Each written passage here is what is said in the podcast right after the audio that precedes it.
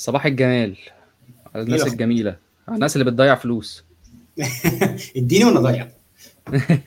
هو دلوقتي دلوقتي كان إحنا كنا عملنا مع بعض قعدنا اتكلمنا في موضوع ال كنا إحنا ستة في الأوضة نازلين ضرب في بعض عن عن موضوع الكريبتو والكلام ده كله. وبعدين أنا في أسئلة أصلا بتيجي كتير الناس بتتكلم في موضوع موضوع الفلوس و... و... و... وأستثمر إزاي وأحط فلوسي إزاي ومش عارف إيه. ف فواضح إن الناس انترستد جدا في موضوع ال... ال... الاستثمار وكده. بس هو في مشكلة صغيرة إن كل الناس اللي, تف... يعني كل ما أتكلم مع حد شاطر وبيفهم وكده بيقول لي أنا ما أقدرش أتكلم في الموضوع ده. عشان تعرف أنت موضوع. موضوع ال... الناس بتيجي تمسك في رقبه ال... يعني لو لو أنا قلت لك مثلا إيه أنت لو اشتريت خص النهارده الخص بيكسب و... و... وهنعمل فلوس قد كده الناس لو خسرت بييجوا يمسكوا في رقبه الراجل. فهو الناس كلها رافضة إن هي تتكلم آه، بسبب الموضوع ده. حلو كله كل الناس اللي أعرفهم قال لك لا أنا ما أقدرش أدي نصيحة ما أقدرش ما أقدرش ما أقدرش ادي financial advice والكلام ده كله. آه، فاحنا بنلعب اللعبة بقى اللعبة الظريفة جدا إن إحنا بنقول إيه إن مبدئيا أنت جاي هنا تخسر. إحنا جايين هنا نخسر. إحنا مش جايين نكسب. حلو؟ ف... فمعنى... فمعنى كده إن إحنا نقدر أعتقد إن إحنا نقدر نتكلم براحتنا شوية. حلو؟ لو حد عايز ياخد كلام من كلامك ويطبق هو حر. آه، إحنا ما يعني من الآخر باختصار شديد مش تاني مش بندي نصايح. أنت بتقول تجربة والتجربة دي لو حد عاجبه عايز يجرب يجرب. بما إن الاستثمار في حاجة اسمها آه، في حاجة اسمها اللي هي اللي هي اسمها إدارة آه، ناس متخصصة في إدارة الثروات. ف... ف... ف... ف... ف... فالموضوع ده لما حد بيبقى عايز نصيحة ما هو بفلوس يعني. ف... فالفلوس اللي أنت ممكن تعملها إن أنت تخسر شوية فلوس في الأول تعرف إزاي السوق بيشتغل. وبعدين وبعدين تبتدي تعمل فلوس بقى. اللي هو إيه أنت فهمت بقى السوق شغال إزاي. آه، يعني أنا أنا أنا بيعجبني جدا الناس اللي بت اللي بتجرب. حد مثلا يقول لك أنا فتحت محل وخسر آه، ده ده ده دي الروح دي روح حلوة يعني. آه، الخسارة دي معناها إن انت معناها إن أنت خدت درس مثلا هي مثلا آه، نعم؟ في learning curve حصل. آه بالظبط في learning آه فانت فأنت النهارده برضو حتى أنا عاجبني إن أنت ال- الخطة اللي أنت حاططها للتجهيز بتاعك يعني بيشمل إن أنت هنخسر وكده وهو وهو هن- هنطلع هنخسر من الأول وبعد كده ربنا إيه؟ ييسر و- ونجتهد ونتعلم. طيب أنا عاوز أقول لك على حاجة يعني من واحدة من القواعد اللي بنقولها دايما في ال market. إن 80% من ال retail investors اللي هو المستثمرين البساط اللي زي وزيك هيخسروا. آه. آه. وارن بافيت عنده جملة كده بيقول لك إن ال market هو مكان أداة سحرية لتحويل الفلوس من جيبك للمستثمر الكبير. أنت هتخسر يعني في واحدة من الحاجات برضو الغريبة هتكلم عليها في سياقنا اسمها ال margin وال leverage تمام؟ بيقول لك إيه إن في أو في rule يعني statistics وكده في أول 90 يوم 90% من الناس بتخسر 90% من فلوسها. فانت بتاخد ال course بيقول لك أرجوك عدي بس اول 90 يوم والنبي ما تخسر لأن أنت غالبا هتخسر. فأنا كراجل بقالي ثلاث سنين بخسر جاي اديكم نصيحة صميمة في إزاي نخسر والله بص هو أنا شايف إن هي هي مش خسارة على قد ما أنت يعني هو بيقول لك 90% من الناس تخسر فلوسها لأن هو هو طبيعي لأن أنت ال game ال game بيبقى صعب شوية في لعبه. حلو. ومحتاج تكون فاهم ومحتاج تعرف ال tricks وكل كل ما بتتعلم وكل ما بتحط آه، بت- بتلاقي نفسك إن أنت إيه بتتعلم حاجة جديدة يعني. ف... ف... فحتى أنا برضو لما باجي ألعب ال- الحاجات دي بروح مثلا مجرب في رقم أرقام قليلة جدا وأشوف هي عاملة إزاي. إن أنا أنا لو كسبت مثلا جنيه ببقى فرحان مثلا فاهم إزاي؟ أقول إن أنا أيوة. كده اتعلمت حاجة إن أنا إيه إيه التوقع؟ أنا كسبت جنيه فاهم إزاي؟ هو الجنيه مش مش مبلغ يعني بس هي إيه دليل على إن اللي أنا بعمله صح فاهم إزاي إن أنت مثلا لو أنا قلت مثلا إيه أنا قررت إن أنا أحط مثلا آه، 500 جنيه هستثمرهم في حاجة مثلا تعال نجرب ومش عارف إيه تعال نشوف ه- إيه هتكسب هتخسر ال- إيه ال- اللي أنا إيه ال- إيه ال- القرار اللي أنا خدته خلى ال 500 بقى 550 أو خلاهم 200 فاهم إزاي. فهي دي المهم إن أنت خلينا بس قبل ما نبدأ كده إيه آه انت بس قول قول انت مين وبتعمل إيه. انت عمال تقول انت عمال تخسر والناس هتاخد صورة وحشة عنك. لا لا. فخلينا نبتدي الأول. آه اتفضل. خليني أقول حاجة بسيطة. أنا اسمي عمر زيدان بقالي ثلاث سنين آه، داخل في السنة الرابعة خلاص بـ trade في الـ market. بشكل يومي بـ trade يعني مش بس بـ trade آه، كريبتو. كنت ساعات دخلت شوية في في السوق بتاع البورصة. فعندي fair knowledge في الجزء ده. plus إن يعني دي هوايتي. أنا بقالي سنة ونص أو سنتين بـ dedicate أربع ساعات من يومي. يا إما بذاكر technical analysis أو trading أو بذاكر اقتصاد عموما وشوف إيه اللي بيحصل في في السوق والمصرفيين بيشتغلوا إزاي والسوق إزاي بيتحرك وإلى آخره. فاللي أنا بشاركه ده يعني زي ما أحمد كان لسه بيقول من شوية not financial advice بأي شكل من الاشكال عاوز أقول لك باينانس هو واحد- من أكبر الـ crypto exchanges في العالم. الـ CEO بتاعه اللي هو الراجل ده المفروض بقى يقول لك يا جماعة ده أنا بقى الـ top مش عارف إيه. لما تشوفه بيـ tweet يروح كاتب إيه؟ not financial advice يا معلم ده أنت اللي آه. عندك الفلوس. لا ما أقدرش ف... ف... فأنا يعني اللي أنا بشارك فيه هو تجربتي من خلال إن أنا قعدت مثلا سنة ونص بحاول إن أنا أكون day trader يعني إيه day trader؟ بيقول ناس كتير يقول لك إيه بص أنا هبيع كل حاجة وهسيب شغلتي لأن أنا أول شهر قعدت أ trade وجبت 50% مكسب فأنا بقى هـ trade كل يوم وهكسب ومش عارف إيه. فأنا خدت قرار شبه ده تمام وإيه اللي حصل في نهاية القرار؟ حابب أشارك معاك التجربة دي فخدته بـ spectrum من تعالى day trade لحد ما طب ما تعالى invest long term فدي تجربتي. أنا آه بعمل إيه؟ صحيح أنا اسمي عمر زيدان بقالي 8 سنين شغال في عالم الـ marketing والـ da- والـ data growth manager في application موبايل آه، تعليمي اسمه نون أكاديمي. نفخر ان إحنا علمنا 8 مليون طالب في الوطن العربي موجودين في 8 دول. فدي. تجربتي يعني بشكل عام. جميل جميل جدا. آه حسب الخطة اللي أنت حاططها آه المفروض إن إحنا أول ما هنبتدي آه هنبتدي إن أنا لو لو حد معاه مبلغ معين وعايز يستثمره حلو. يعني أنا دلوقتي دلوقتي أحمد و... وربنا كرمني معايا عرفت احوش مثلا. تعال نقول 1000 جنيه مثلا. حلو؟ 1000 جنيه ينفع ولا ولا قليل؟ بص ما بتحسش بطعمها. لا بس خليني أقول لك إن أنا سمعت عن عمر زيدان وسمعت إن هو جاب عربية بي إم دبليو وأنا عاجبني جدا الموضوع ده. وهو كان وهو كان بيركب الميكروباص معايا. فأنا عايز أعرف جاب البي إم إزاي. ف... ف... فبعدين أنا برضو أنا يعني إيه ما بحبش الريسك قوي. و... و... و... وعندي بقى عيال وكده ومش مش عايز أخاطر ف... ف... فإيه رأيك؟ يبقى 1000 مثلا أتعلم فيه مثلا و... و... وحسب المؤشر بقى وبتاع أبتدي أحط أكتر ولا؟ تعالى نعم.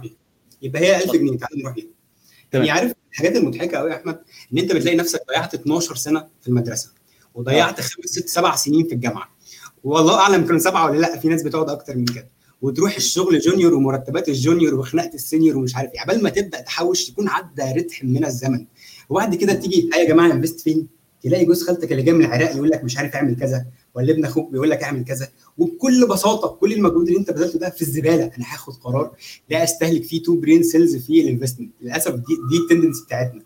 فعشان كده إحنا جايين النهارده نحاول ناخد قرارات أذكى في الـ investment بتاعتنا. فتعالى النهارده 1000 جنيه هي مش رقم قليل خالص. أنت يعني أيا كان الرقم هتبدأ بيه هو ده الرقم اللي أنت محتاج تتعلم بيه فتعالى نعمل كده دلوقتي طيب. آه أنت على بالك لو أنت عاوز ت invest هتعمل إيه؟ بتفكر في إيه اللي أنت عاوز ت invest؟ آه يعني متخيل إن أنا مثلا الـ investment ده اللي هو إيه أروح رايح مثلا أفتح آه في دماغي اللي بيجي على طول ال- ال- ال- اللي هي الـ stocks يعني ال- الأسهم بقى ومش عارف إيه والبورصة وبعدين آه بروح مثلا أشوف مثلا أسهم كل سهم عامل إزاي بيطلع بينزل آه في في اللي هو اللي هو زي ما تقول كده اللي هو الـ naive اللي هو الـ naive investment إن أنا أشوف سهم عمال يطلع أروح شاري مثلا وأول ما ينزل أروح بايعه مثلا. مثلا يعني. طيب بس هقول لك على حاجة. واحدة من الحاجات الغريبة اللي الواحد بيتعلمها في في تجربته في الـ investment هي إن 60% من نجاحك في الـ investment مش في السهم حلو ولا وحش ولا الشركة آه. حلوة ولا وحشه ولا دخولي حلو ولا وحش. 60% جاية من الـ discipline بتاعك.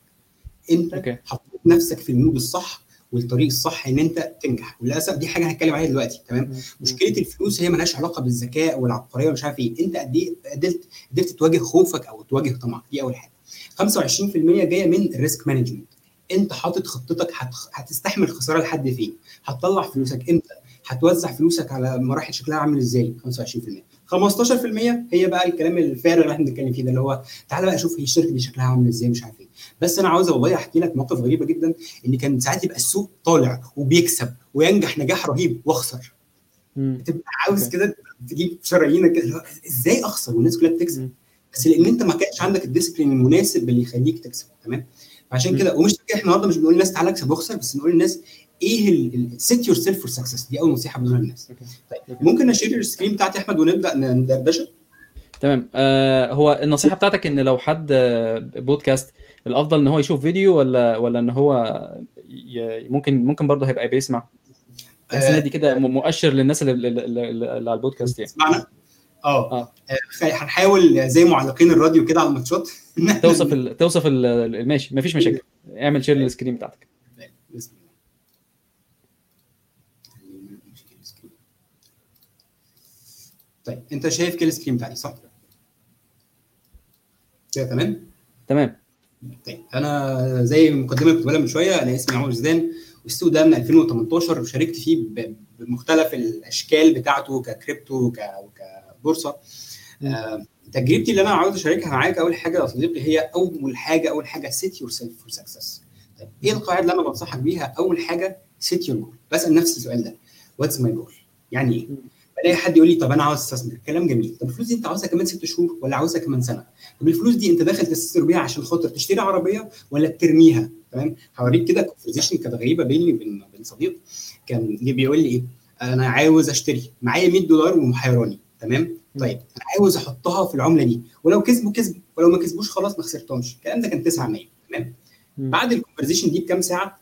السهم نزل 22% تمام؟ بعديها ب 10 أيام السهم نزل 70% 70% ليه؟ لأن هو ما كانش عنده جول هو إيه؟ الناس بتكسب. هو في FOMO fear of missing out ما هتيجي كده أشوف الناس بتكسب إزاي ما اكسب زيهم أول حاجة set your أنا بعمل ده ليه؟ تمام؟ دي أول حاجة. ثاني حاجة set target فلوس. أصعب حاجة هتواجهها هي الكفاية. مش هتتعلم تقول كفاية ابدا. يعني إيه؟ يعني أنا عمري ما هنسى كان في شهر كنت حاطط لنفسي جول أنا الشهر ده الجول بتاعي كان 70% مكسب ده رقم كبير جدا تمام؟ وحققته في أول 12 يوم في الشهر. okay. شكرا. اقفل بقى اتبسط روح الجناين والحدائق لا إزاي؟ ما اتعلمش أقول كفاية لأن أنا مش حاطط رقم إن أنا لو وصلت رقم فلاني ده كفاية. فأنا خرجت من الشهر ده خسران ال 70% زائد خسران 28% من ال initial investment بتاعي. ليه؟ okay. لأن أنا مش حاطط جول فمهم قوي ان انت تحط الجول بتاعك تمام؟ كفلوس وكهدف انت بتعمل ده. تاني حاجة what's my risk أنا ال risk بتاعي شكله عامل إزاي؟ أقول للناس ها يا حبيبي ال risk بتاعتك إيه؟ يا باشا اديني وأنا اضيع خد الفلوس دي ومش عارف إيه. تيجي في الأول لأن هو في الأول بيقول لك إيه؟ طب خد ال 100 دولار دي طب خد ال 1000 دولار دي. فبتبقى في الأول مش مش مؤذية قوي بس عارف اللي بيحصل؟ إن أنت في الأول بتحط رقم بسيط فيبدأ يكسب فتحط رقم تاني فيبدأ يكسب فيبقى عندك tolerance تجاه الخسارة كبير. يعني النهارده لو انت خسرت 5% عشان تعوض 5% محتاج تكسب 5 من 10 طيب خسرت 10% محتاج تكسب 11% عشان ترجع الخسارة. فاللي هو إيه؟ عادي ال market يعرف يرجع لك الكلام ده. بس مثلا لو انت النهارده خسرت 40% محتاج تكسب 66% تخيل يعني في صفقة تكسبك 66% لو انت النهارده خسرت 75% محتاج تكسب 300% طب طب هو ليه هو, ليه ليه ليه أنا لو لو مثلا خسرت 60% محتاجة يعني احكي لي القصة دي. طيب انت النهارده ال investment بتاعك 10 جنيه تمام؟ تمام. خسرت 70% بقى ال investment بتاعك دلوقتي معاك كام؟ 3 جنيه. عشان بقوا- توصل ل 10 جنيه تاني محتاج تكسب كام على 3 جنيه؟ آه محتاج اكسب ثلاث مرات ثلاث مرات ونص ال- ال- ال- الفلوس اللي أنا خسرتها. فين بقى السهم اللي يديك ثلاث مرات ونص آه قصدي اللي معايا. آه صح صح صح عندك حق عندك حق. فين؟ آه ف... بتبقى صعبة. بسألك ال risk appetite بتاعك مش بقول لك ال 100 جنيه اللي انت هتديني دي مستعد تخسرها ولا لأ لأ. بسألك انت عارف نفسك لما بتخسر بتعمل إيه؟ إزاي أيوة. بتتعامل مع خوفك؟ إزاي بتتعامل مع طمعك؟ يعني أنا هقول لك حاجة غريبة جدا عارف. في من الدعاء بتاع النبي يقول لك إيه؟ بيدعو بأن ربنا يحميه من قهر الرجال تمام؟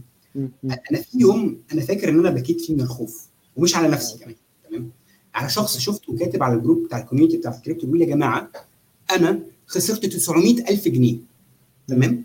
ومتداين ومعايا 1000 دولار. قولوا لي إيه الصفقة اللي تكسبني 35 ضعف؟ عشان أنا لو ما رجع ما رجعش الفلوس دي أنا حياتي هتتدمر.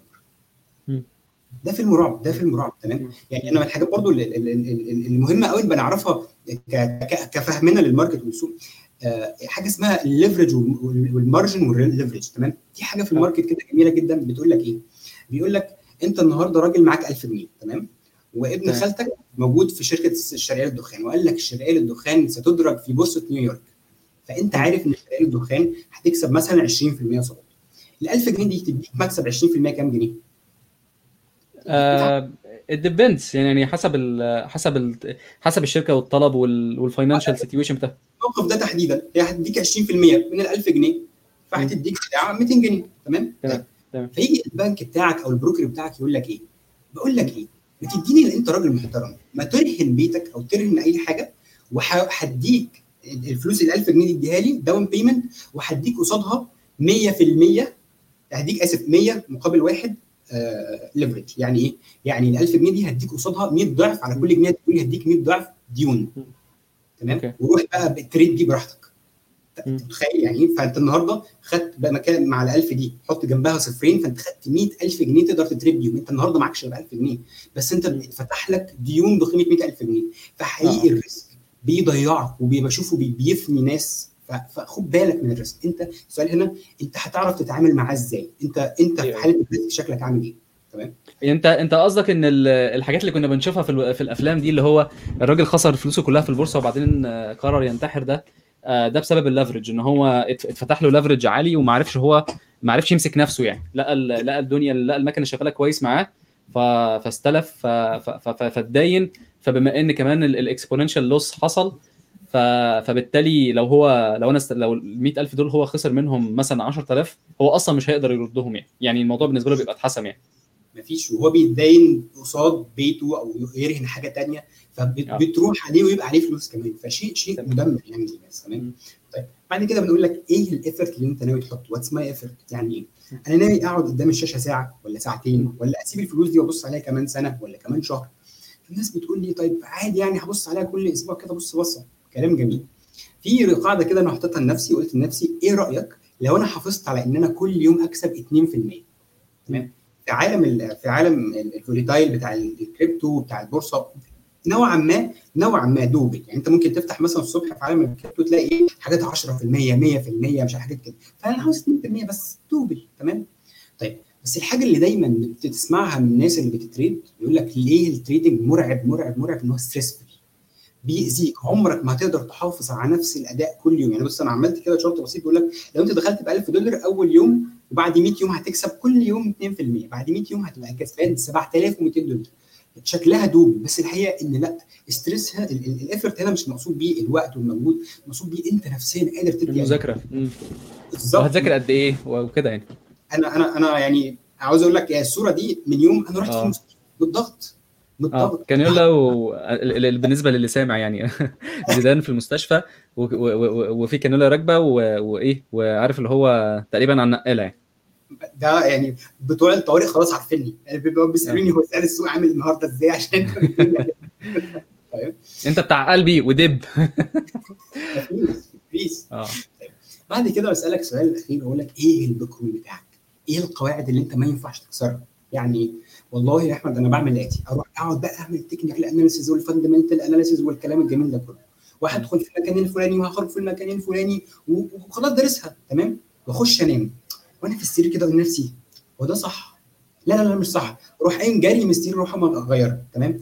وأروح مغيرها أروح خسران. أنا أنا حسبت في يوم كده خسارتي من تغييري لل positions بتاعتي وخسارتي لو السوق بس نزل. 80% من خسارتي من اللعب بتاعي والعك بتاعي تمام؟ لو لو جيت البيت عندي هتلاقي قدامي على الشاشة sticky notes على ال screen تمام؟ مكتوب فيها ال position بتاعي. أنا دخلت فيه أسبابي هي 1 2 3 الزقها عشان ما راجعش نفسي. في rules ما تكسرهاش تمام؟ الحاجة الثانية برضو من الحاجات السيئة اللي أنا عملتها في نفسي موضوع ال rules ده إن أنا لازم أحترم إن ال trading مش trading حتى سواء long short أو شورت ايا كان ال investment بتاعك ليه قواعد واحترام؟ يعني إيه احترام ما ينفعش يطغى على حياتك. أنا كنت عامل كده عندي في البيت لو تدخل عندي البيت تلاقي ال screen بتاع التلفزيون عليها ال chart ال screen بتاعت الكمبيوتر عليها ال chart الساعة ال smart watch عليها ال chart وأنا قاعد طول الوقت قاعد بتفرج على ال chart تمام؟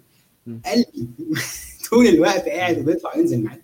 انت محتاج لازم تحط نفسك زي ما قلنا من شوية. سيت يور سيلف فور سكسس دي أول حاجة. اعصاب اعصاب حديديه هي set yourself for success أنا أعتقد إن أنت ال ال ال الانضباط هو عامل أساسي إن أنت تكون منضبط ولما تاخد قرار ما تبقاش أهوج يعني تكون واخد القرار بسبب. يعني أنا القرار الأهوج ده القرار اللي هو بتاخده emotion اللي هو إيه؟ إيه ده؟ نازل بيع آه طالع اشتري اللي هو حاجات كلها أو أو أو العكس يعني.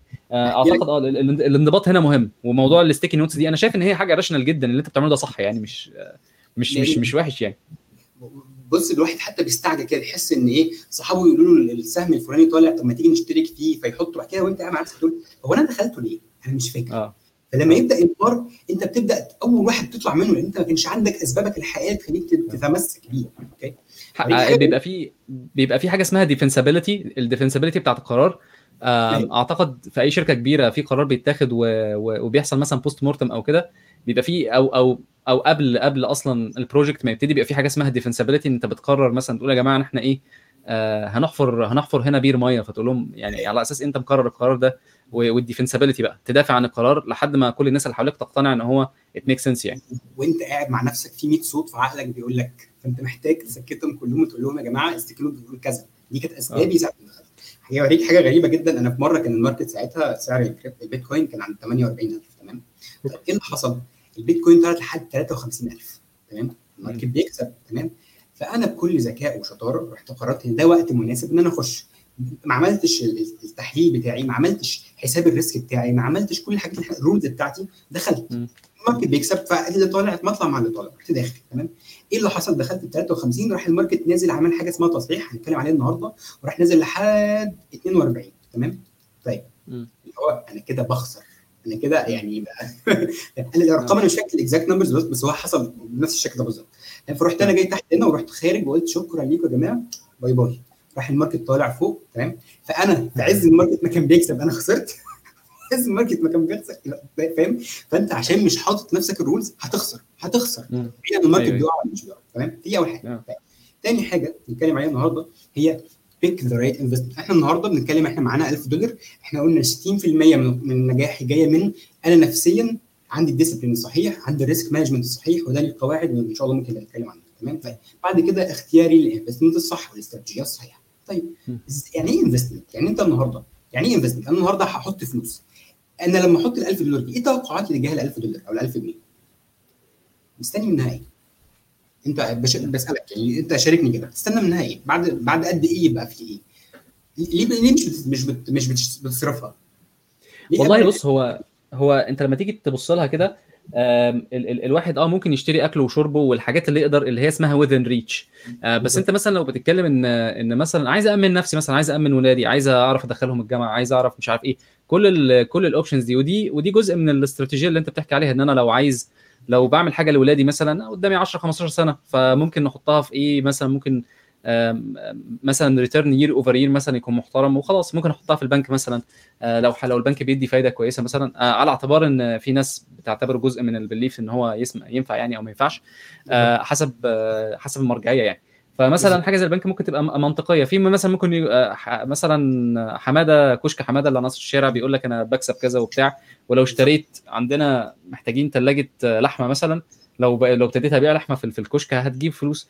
فمثلا تقول له آه ماشي ممكن أت... ممكن أنا finance الثلاجه أشتري لك أنا الثلاجه ونشوف. آه بس ده طبعا آه، ما أعرفش بقى مع... بيبقى في بقى ال- ال risk دي يعني مثلا في في أنواع من أنواع ال risk أنت بتشتري asset حلو فتحت أسوأ الظ- الظروف بيبقى دي بيحصل depreciation يعني مثلا موضوع الثلاجه مثلا ممكن أشتريها ب 1000 دولار مثلا أو نقول 1000 جنيه.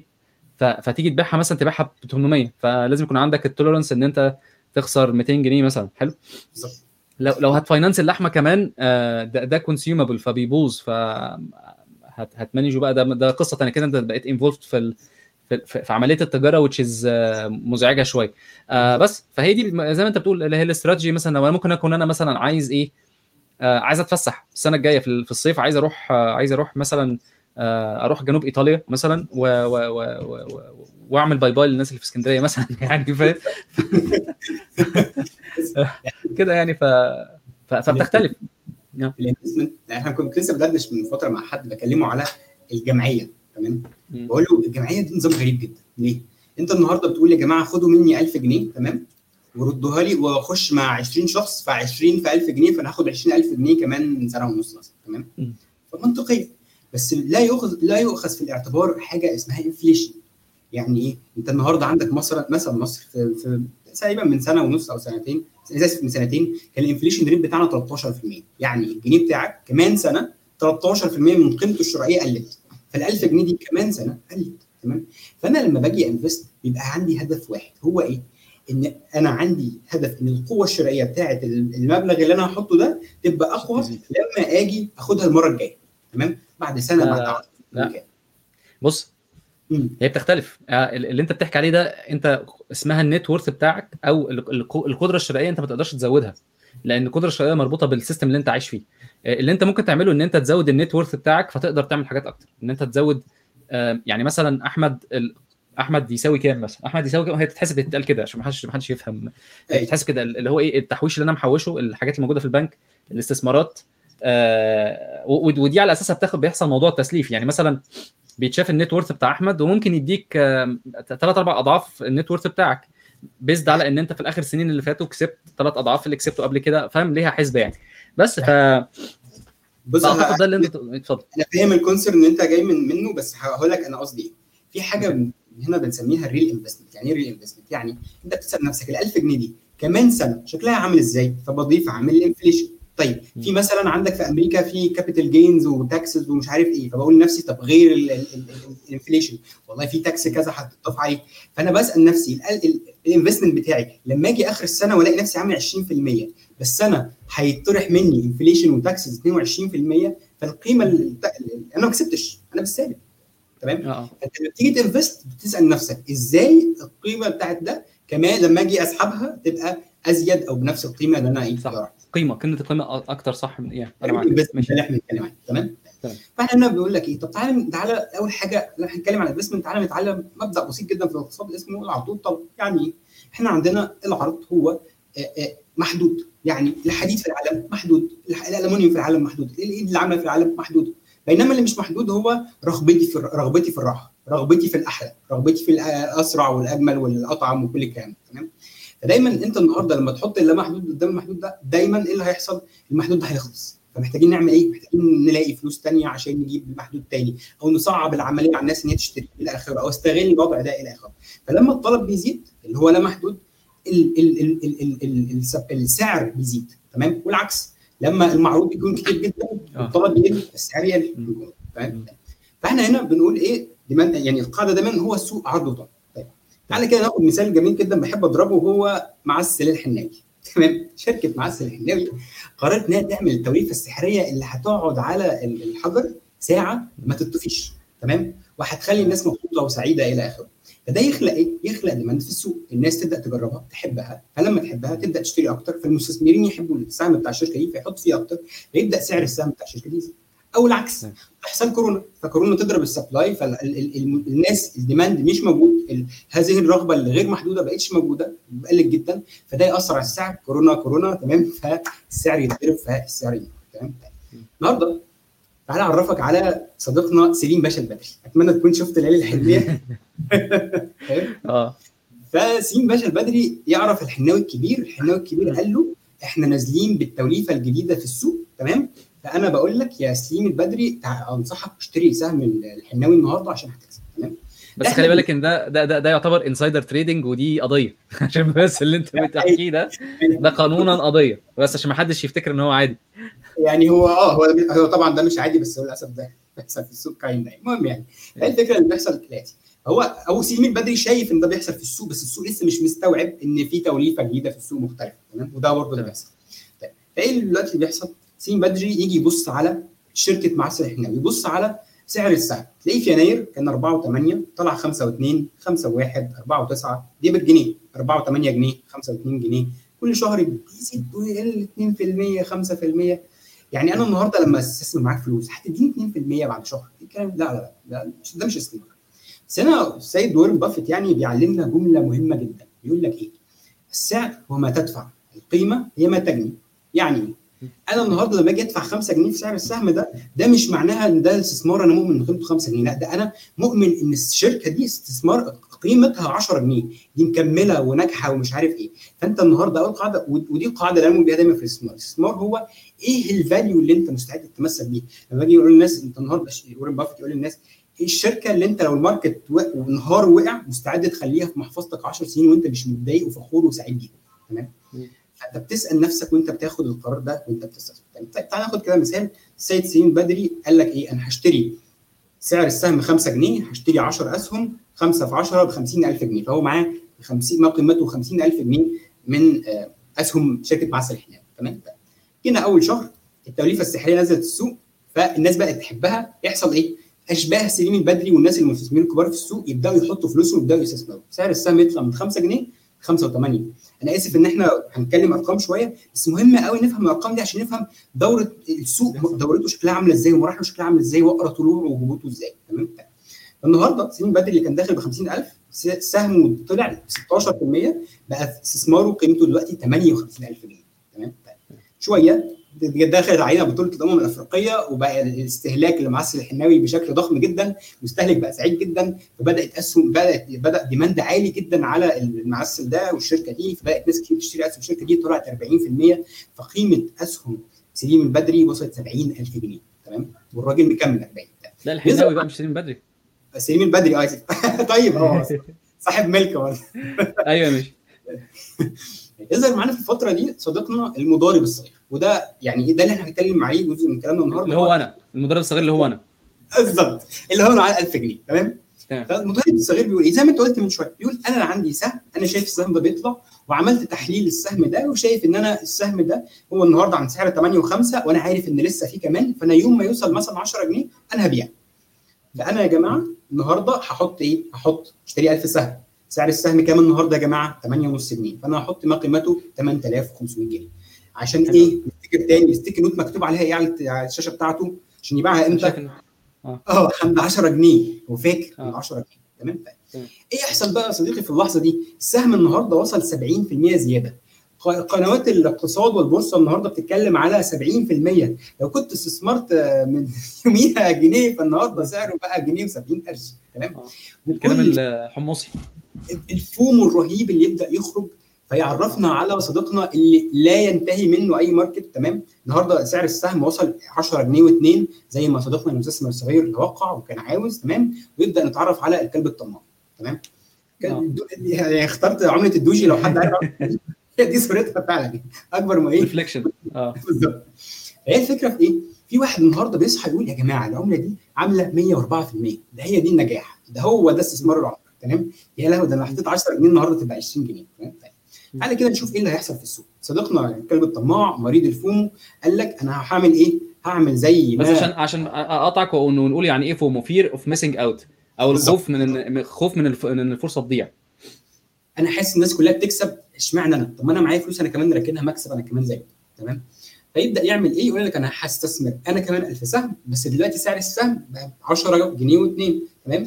فهيدفع النهارده 10 10200 جنيه صديقنا وارن بافيت دايما بيقول برضو وارن بافيت يعني علامة يعني. فيقول لك آه هو ده. فيقول لك لما الناس تبقى جبانة خليك طماع. لما الناس تبقى طماعه خليك جبان هي دي أول ما ال market تلاقيه كله حاسس إن هو بيكسب وبيعمل فلوس تبدأ تتحسس محفظتك تقول طيب شكرا يا جماعة أجي لكم في وقت تاني عشان أنتم مجانين دلوقتي. تمام؟ فإيه اللي بيحصل دلوقتي؟ تعالى كده نراجع ال investment بتاع الثلاث أشخاص. تمام؟ سليم البدري دخل عند سعر 5 جنيه استثمر 50000 جنيه والسعر النهارده واصل معاه 104% تغير. تمام؟ مكسب. طيب المضارب الصغير. الراجل ده داخل عند 8 ونص مستعد إن هو يخرج عند 10 جنيه ولا 10 و2 وهو كسبان 20% كلب الطماع. داخل عند 10 و2 أنت دايما آه، يعني دايما لما بنيجي نشتري سهم أنا سهم آسف أنا هدفي إن أنا أبيعه. محدش بيشتري السهم عشان يركنه. فأنا المضارب الصغير عمل إيه؟ اشترى عند 8 ونص عشان هدفه إن هو يبيعه عند 10 و2 فالكلب الطماع النهارده اشترى عند 10 و2 تتوقع يعني المفروض يبيعه فين يعني؟ يعني لو هو هو كان انت كنت بتقول كان هو نفسه يكسب الضعف فغالبا هيبيعه على 20 مثلا. بالظبط تمام؟ هيبيع على 20 هيبيع على 18 25 هو نفسه في كل الأحلام. وتلاقيهم يكتبوا على النت to the moon وبيتكوين to the moon ومش كل الحاجات اللي انت عارفها تمام. أيوه فتلاقي دلوقتي إيه اللي يحصل ال market فيه ثلاث أشخاص. فيهم واحد قرر إن كده تمام يا شباب؟ أنا اتبسطت معاكم واستمتعت. أنا ماشي. هو المضارب الصغير يبقى معاك اثنين سليم البدري اللي داخل عن سعر 5 جنيه والكلب الطماع اللي داخل عن سعر 10 جنيه. أسألك سؤال. هل منطقي سليم البدري يشتري النهارده ولا لا؟ لا طبعا. أنا نفسي لا ما أشتريش لا. خلاص؟ أنا القطر القطر مشي. اسمها the train has left the station خلاص ما فيش جديد. يعني. بالظبط.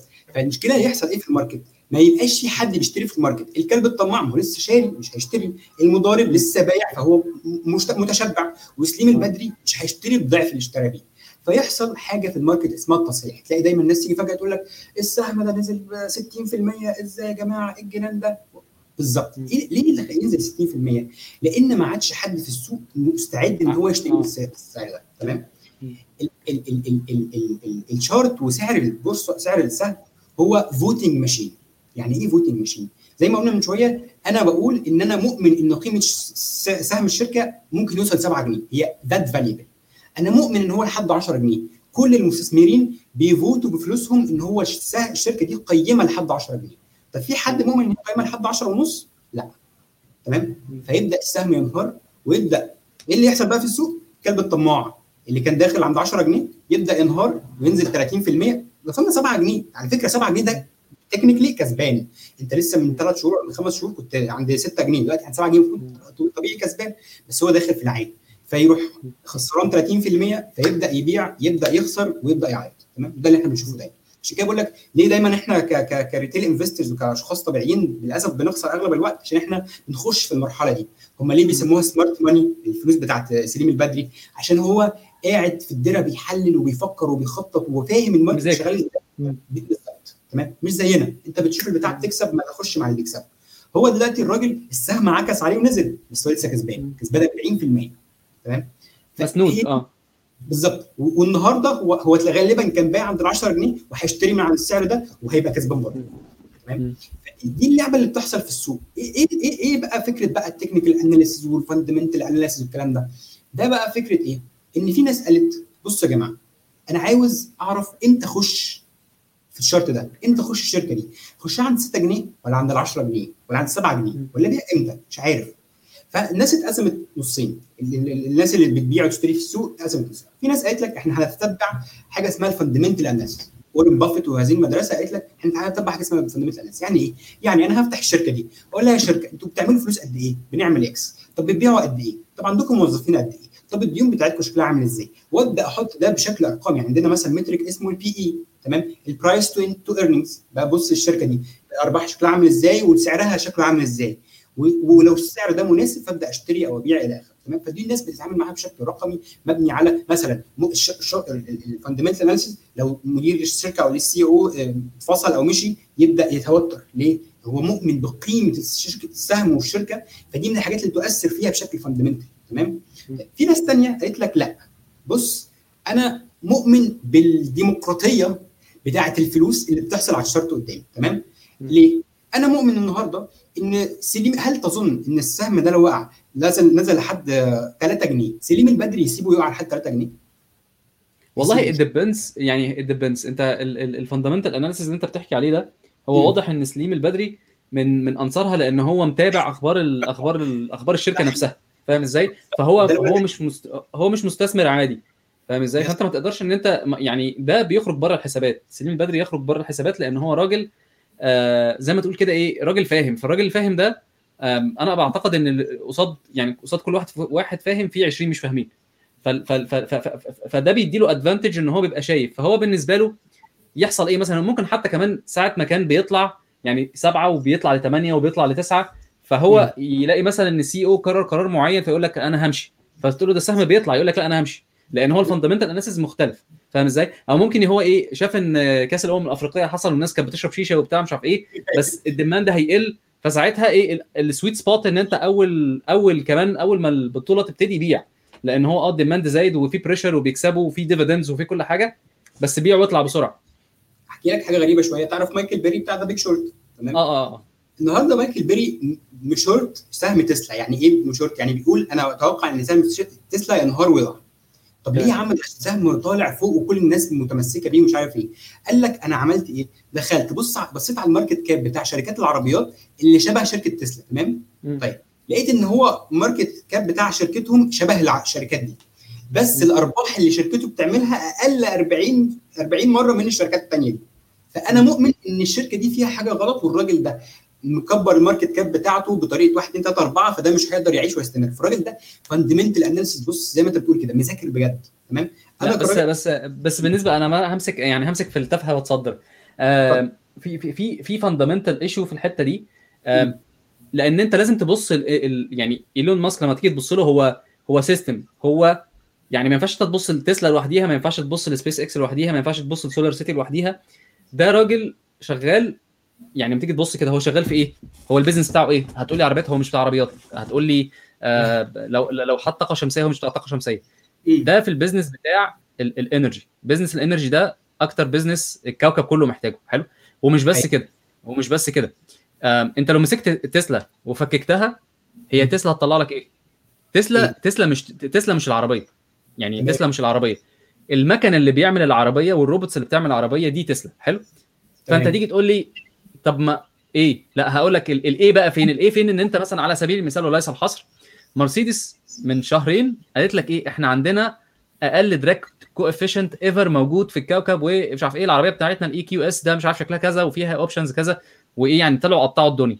جميل. إيلون ماسك ال update بتاع العربية ال Plaid قال لك يا عم أهي إحنا أقل عربية. راح ابص ربع ساعة هو طبعا بيبقى ليها تخطيط بس هو طلع وبقى هو برضه still رقم واحد. ده, ده من ناحية الناحية الثانية العربية بتاعته بالنسبة لل value ال luxury لما تيجي تتكلم على luxury العربية luxury جدا ال options والحاجات اللي موجودة فيها وكل ده بتاخده مع ال مع ال مع ال standard package مفيش مش بتشتري حاجة option يعني. هم ثلاث عربيات تشتريهم تغير شوية حاجات وخلاص. هي شوية حاجات كده في, ال في ال options وتشتري وانتهى الموضوع. مفيش اتفضل. لك سؤال. النهارده سعر السهم نفترض إن هو وصل ل 600 دولار. تمام؟ طيب. تمام. لو جت لك فرصة إن أنت تشتري سهم تسلا عند 200 دولار هتشتريه ولا مش هتشتريه؟ بص أنا عن نفسي شخصيا آه. بحب إيه؟ بحب أكون إن. يعني إيه إن؟ وبحب إن ال ال ال ال ال الناس اللي شغالة تكون إيه؟ ناس آه، أكون أقدر أعرف أقراهم يعني. أيوة. المشكلة أنت بتتعامل أنت بتتعامل مع مع مع, مع إيلون ماسك. إيلون ماسك hustler يعني إيه hustler. يعني هو عارف عارف قوته فين وبيطلع على ال social media وبي وبيمسك السهم يعمله كده وبيمسك السهم يعمله كده. فاهم؟ يعني هو قاعد إيه أوركسترا. عمال يعمل تا تا تا وهو الناس تروح تشتري وت- وت- وت- وتقلب الدنيا. فاهم إزاي؟ وهو وهو بنفسه ذات نفسه ألف مرة قال آه، قال قال Doge is good hustle فاهم إزاي. يعني أنا مش عارف أنت بتيجي تفكر فيها ما هو الراجل لعيب يعني. فأنت لما تيجي تكسب من لعيب هو مش هيسيبك تكسب أصلا. يعني أنت بتيجي عايز إيه؟ عايز تكسب من إيلون ماسك؟ لا أنت مش هتكسب منه. هو اللي هيكسب منك. هو definitely هيكسب منك. فاهم إزاي؟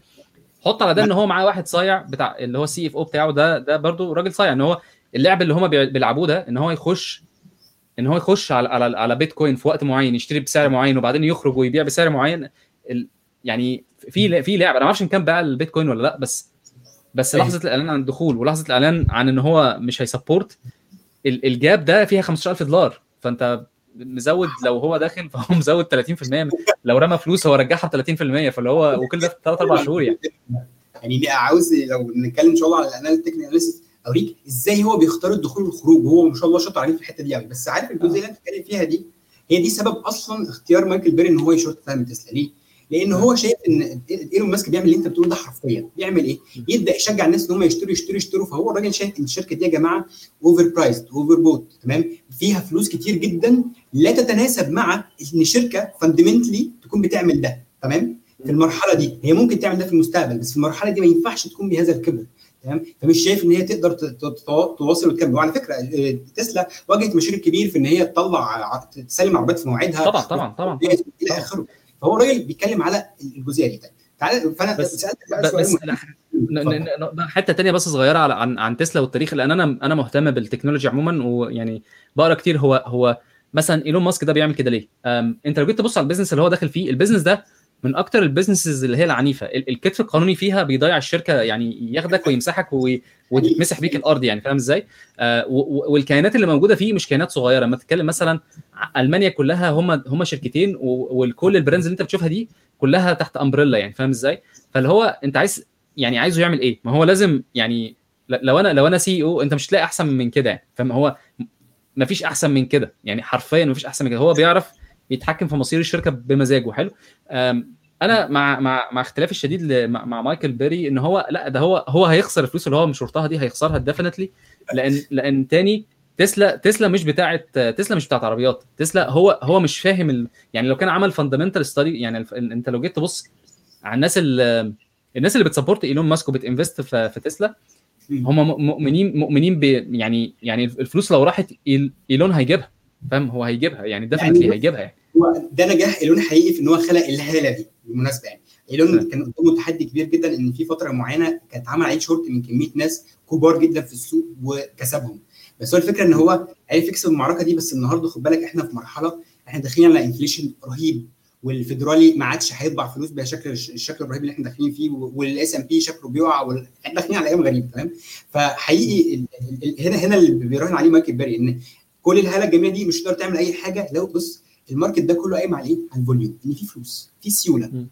كل ال- الناس الشاطرة والجميلة دي على راسهم فوق بس لو مفيش فلوس سيولة تتحرك في السوق مفيش كلام لازم هتخسر تمام؟ عموما يعني مش نقاش من تسلا بس أنا سألتك سؤال مهم جدا. قلت لك لو السهم ده ب 200 ممكن تشتري ب 600 انت أنت قلت لي على البطاريات والشركة ولا مش عارف إيه. أنت عملت النهارده إيه؟ عملت fundamental analysis قلت. إيه؟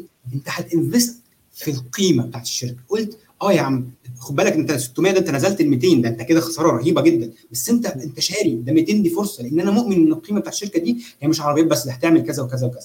فده اللي بيحصل بالظبط في السوق إن السوق لازم ينزل لازم يصحح. بس عمره ما هينزل وينهار ليه؟ عشان خاطر في شبه مش هينهار مش السوق كمجمل عذرا في الكلمة دي بس الشركات اللي اللي اتعمل لها fundamental analysis صح لأن في أشباه سليم البدري وفي أشباهك وفي أشباه ناس كتير فاهمة القيمه فهيشتريها بالرخيص ولن يتوانى في إن هو يسيبها بالرخيص فهيرجع السعر تاني تمام عموما تعالى نكمل في الجزئية اللي إحنا عايزين نوصل لها وهي إيه؟ إحنا النهارده أنا بقول لك يا عم technical analysis والكلام ده كله هو يعني إيه technical analysis يا صاحبي؟ انت انت إيه والله يا باشا انت انت انت, انت تقول لي أنا كنت فاهمه غلط حتى قبل قبل قبل ما نبتدي آه أيوة. أنا كنت بقول لك فطلع ان أنا كنت بقوله ده إن هو تحليل إحصائي عادي جدا مش مش technical analysis يعني فأنت قول لي بقى ال technical analysis إيه خلينا برضو أيوة. نقول التحليل الإحصائي إن أنا إيه آه عمال أيوة. عمال أحسب الفرق اليومي اللي بيحصل وبعمل averages وبعمل حاجة اسمها regression فبشوف ال slope رايح فين وبعرف منه بقى احتمال ال احتمال البتاع ده احتمال السوق يطلع ولا ينزل وبعدين بعد كده أروح مقسم يعني بعد ما أعمل القصة بتاعت ال averages دي أروح مقسمها quantiles أو whatever tiles وأقعد طالع نازل طالع نازل وبعدين إيه ده ده البتاع دي بتكسب كل ثلاث شهور فأنا إيه لو عايز أحط في الشركة أحط كل ثلاث شهور مش هحط كل أيوة. أسبوعين كده يعني. يعني كان نفسنا يبقى ده يعني للأسف ده ذكي جدا ومعقد جدا بس مش متاح المعرفة دي لكل الناس تمام؟ إحنا ناس بسيطة جدا عن كده. فهي الفكرة آه. كلها بدات إزاي؟ السيد تشارلز جو تشارلز داو. انت هتسمع عن الداو جونز. هتلاقي ترامب يطلع في التلفزيون يقول لك والداو جونز وتطلع تلاقي CNBC يقول لك وزاد 100 point وقل 300 point ومش عارف إيه. طب إيه داو جونز؟ وإيه جونز؟ مين مين داو ده؟ فتشارلز داو ده كان صحفي موجود في أواخر الثمانينات آسف 1800 تمام؟ إيه اللي كان بيحصل في الفترة دي؟ كانت الشركات إحنا عايشين بقى إيه في عالم كده غريب اللي هو أنا بطلع ال earnings report بتاعتي بمزاجي واقول كده حاجات إيه على مزاجي وممكن ما اطلعش وانت واوزع الاسهم براحتي وا split الاسهم كان عالم غريب جدا تمام؟ طيب الراجل ده كان صحفي في الفترة دي وبدأ هو وصديق ليه اسمه إدوارد جونز عملوا شركة سوا سموها داو جونز company ليها علاقة بالاقتصاد والبورصة والشركات ومش عارف إيه وعملوا سوا آآ آآ newsletter كده و journal سوا وبعد كده بقت تتطور لحد ما بقى عملت حاجة عملوا حاجة اسمها وول ستريت جورنال طب عملت إيه وول ستريت جورنال؟ عملت حاجتين رئيسيين عملت ممكن ت zoom in شوية؟ يعني كبر ال... عشان شوف شوف. أيوه. آه.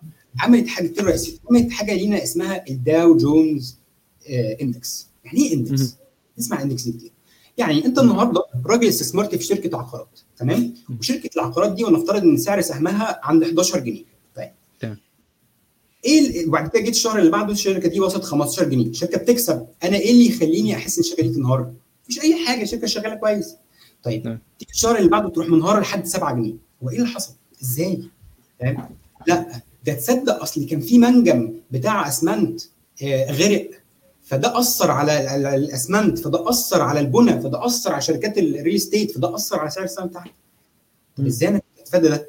هم عملوا إيه؟ قال لك إحنا هنجيب الشركات الكبيرة ال industry الكبيرة ونحطهم نجمع قيمتهم سوا ونقسمها بطريقة ما كده عشان نجيب نظرة عامة للسوق. عشان ما تبقاش انت تبص لسهم معين لا السوق مترابط مع بعضه بشكل كبير. يعني مثلا عندك ال index بتاع ال industry وعندك ال index بتاع ال transportation. يقول لك لو ال index بتاع ال transportation يجيب شركات بت... وقته بقى كان قطارات ومش عارف إيه فالشركات القطارات والعربيات ومش عارف إيه. أسعارها شكلها عامل إزاي؟ لو أسعار شركات ال transportation وقعت يبقى أنا عارف إن في أزمة هتحصل عندي في ال industry لأن ده اللي بيحرك ال industry تمام آه okay فعشان كده تلاقي تلاقي دايما الدول والأمم المهتمين قوي بال indices دي يقول لك ال Dow Jones زاد 20 point 100 point يعني أنت مهتم ليه؟ مع إن هو ممكن يقول مثلا زاد 1% بس ال average محمد مش هيحس يعني إيه 1% بس لما تقول له زاد 200 point إيه الجمال ده؟ فالامم بتحس قوي بالفخر بالحاجات دي تمام؟ إحنا عندنا في مصر بالمناسبة ال EG EGX 30 ده برضو index في مصر فيه أكبر 30 شركة في مصر تمام؟ طيب فعندنا ده ال Dow Jones عملوا لنا إيه تاني؟ عملوا في ال Wall Street Journal إن هم يبدأوا يحللوا الشركات ويسيبك بقى من كل الكلام اللي الشركات بتقوله والإشاعات ومش عارف إيه إحنا هنديك نظرة محترمة جدا لقيمة الشركة دي بجد عشان تبدأ تاخد قرار. فالسيد تشارلز جونز طلع قعد فترة كبيرة جدا يحلل شركات و patterns وال human behavior خد بالك إحنا إحنا لما شرحنا في بداية الكلام ما شرحناش قواعد علمية وال average مش عارف كل الكلام ده لأ. أنا بقول لك أنت خو... هتخاف وهتترعب. نفسيات. بالظبط لأن دي فلوس في نهاية اليوم تمام؟ فهو بيقول لك ال market المستثمر لما بيشوف كذا هيطلع فلوس ده أنا شفتها كتير جدا في patterns فبدأ الراجل يبدأ يحلل شركاته لحد ما هو للأسف توفي وما حطش القواعد بتاعته ال theory بتاعته في, في شيء مكتوب. اللي عمل لنا القواعد بتاعته دي دي كان حد شغال معاه و associate معاه كان اسمه Hamilton الراجل ده حطها لنا في كتاب وبدأ بعد كده تنشر دراسات على الموضوع ده ويكبر ومش عارف إيه. لكن هو نفسه في حياته ما عملش القواعد تمام؟ هو عمل لنا ست قواعد دي اللي دي ركيزة ال technical analysis اللي أي حد النهارده شغال technical analysis بيعتمد عليه تمام؟ تعال نبص على الثلاث قواعد منها. نفهمها ونروح بقى على ال chart ونشوف هو الكلام ده شغال إزاي سريعا كده بيقول لك أول قاعدة بيقول لك ال market بي discount كل حاجة بي discount الأخبار بي discount المشاكل بي discount أي حاجة. يعني إيه بي discount؟ يعني ما تجيش تقول لي مثلا ال CEO بتاع الشركة دي مش لا أنا بقول لك أنا عارف الشركة دي هتكمل بالسعر الفلاني. طب إزاي يا عم؟ ما هي سعرها هينهار. يقول لك سعرها هينهار لمدة شهر مثلا أو أسبوع ايا كان. بس قيمتها المستثمر الذكي smart money اللي فاهم قيمتها هيحط فلوسه يجري عليها جري. فالسهم هيصحح نفسه بنفسه وهيكمل قيمته عادي جدا. فال market discount ودي حتة debatable شوية للاقتصاديين بس يعني مبني عليها حاجات رئيسية جدا في حياتنا الاقتصاديه تمام؟ دي أول حاجة. ثاني قاعدة بيقول لك السوق بيتحرك في ثلاث حركات رئيسية.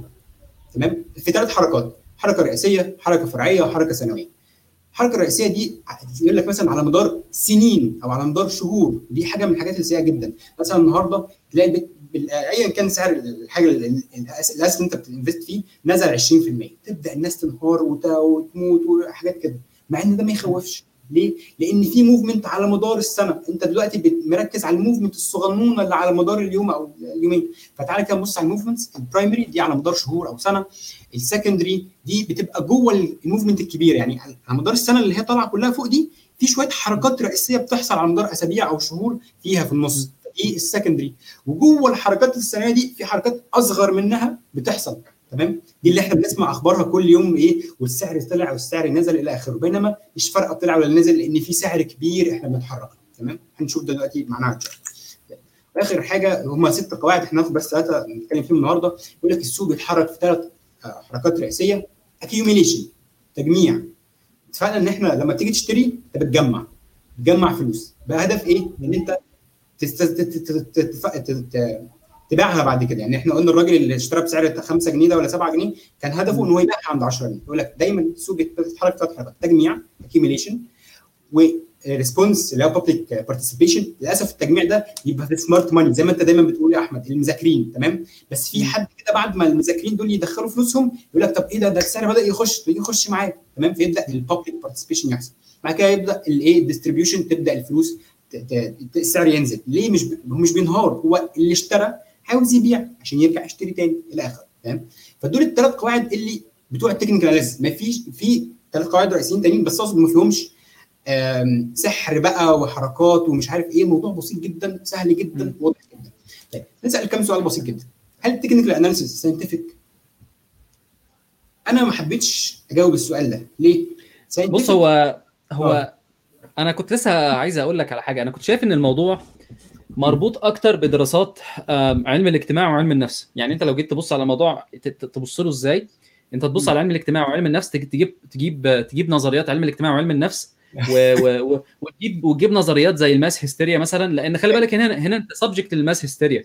لو حصل خبر كده خبر مش مظبوط بيحصل mass hysteria بت بت بتدمر الدنيا. حتى ال fundamental analysis مش مش هيصمد قدامها قصاد النمل الكتير اللي داخل مثلا يبيع مثلا أو كذا كله ممكن يقع. فأنا في وجهة نظري لما تيجي تبص لها بالمنظور ده بالأساس هو طبعا علم الاجتماع وعلم النفس هو هم معلوم بس في نفس الوقت في نسبة كبيرة من الناس بتعتبرهم pseudo science في ناس مش مقتنعة بال بالقصة دي. فاي أي كلام لأن هو في جزء كتير في جزء كبير قوي subjectivity في جزء كبير قوي إحنا مش فاهمين شغال إزاي فبنقول إن هو subjective فبنقول إن هو ما فيش قواعد ليه ما نقدرش نقول واحد زائد واحد يساوي اثنين فبالتالي بيقع يعني ال ال ال أنا آسف إن أنا هقولها بس بس ال technical analysis بيقع في دائرة شبهة ال pseudo science يعني بيبقى في شبهة ال pseudo science فاهم إزاي؟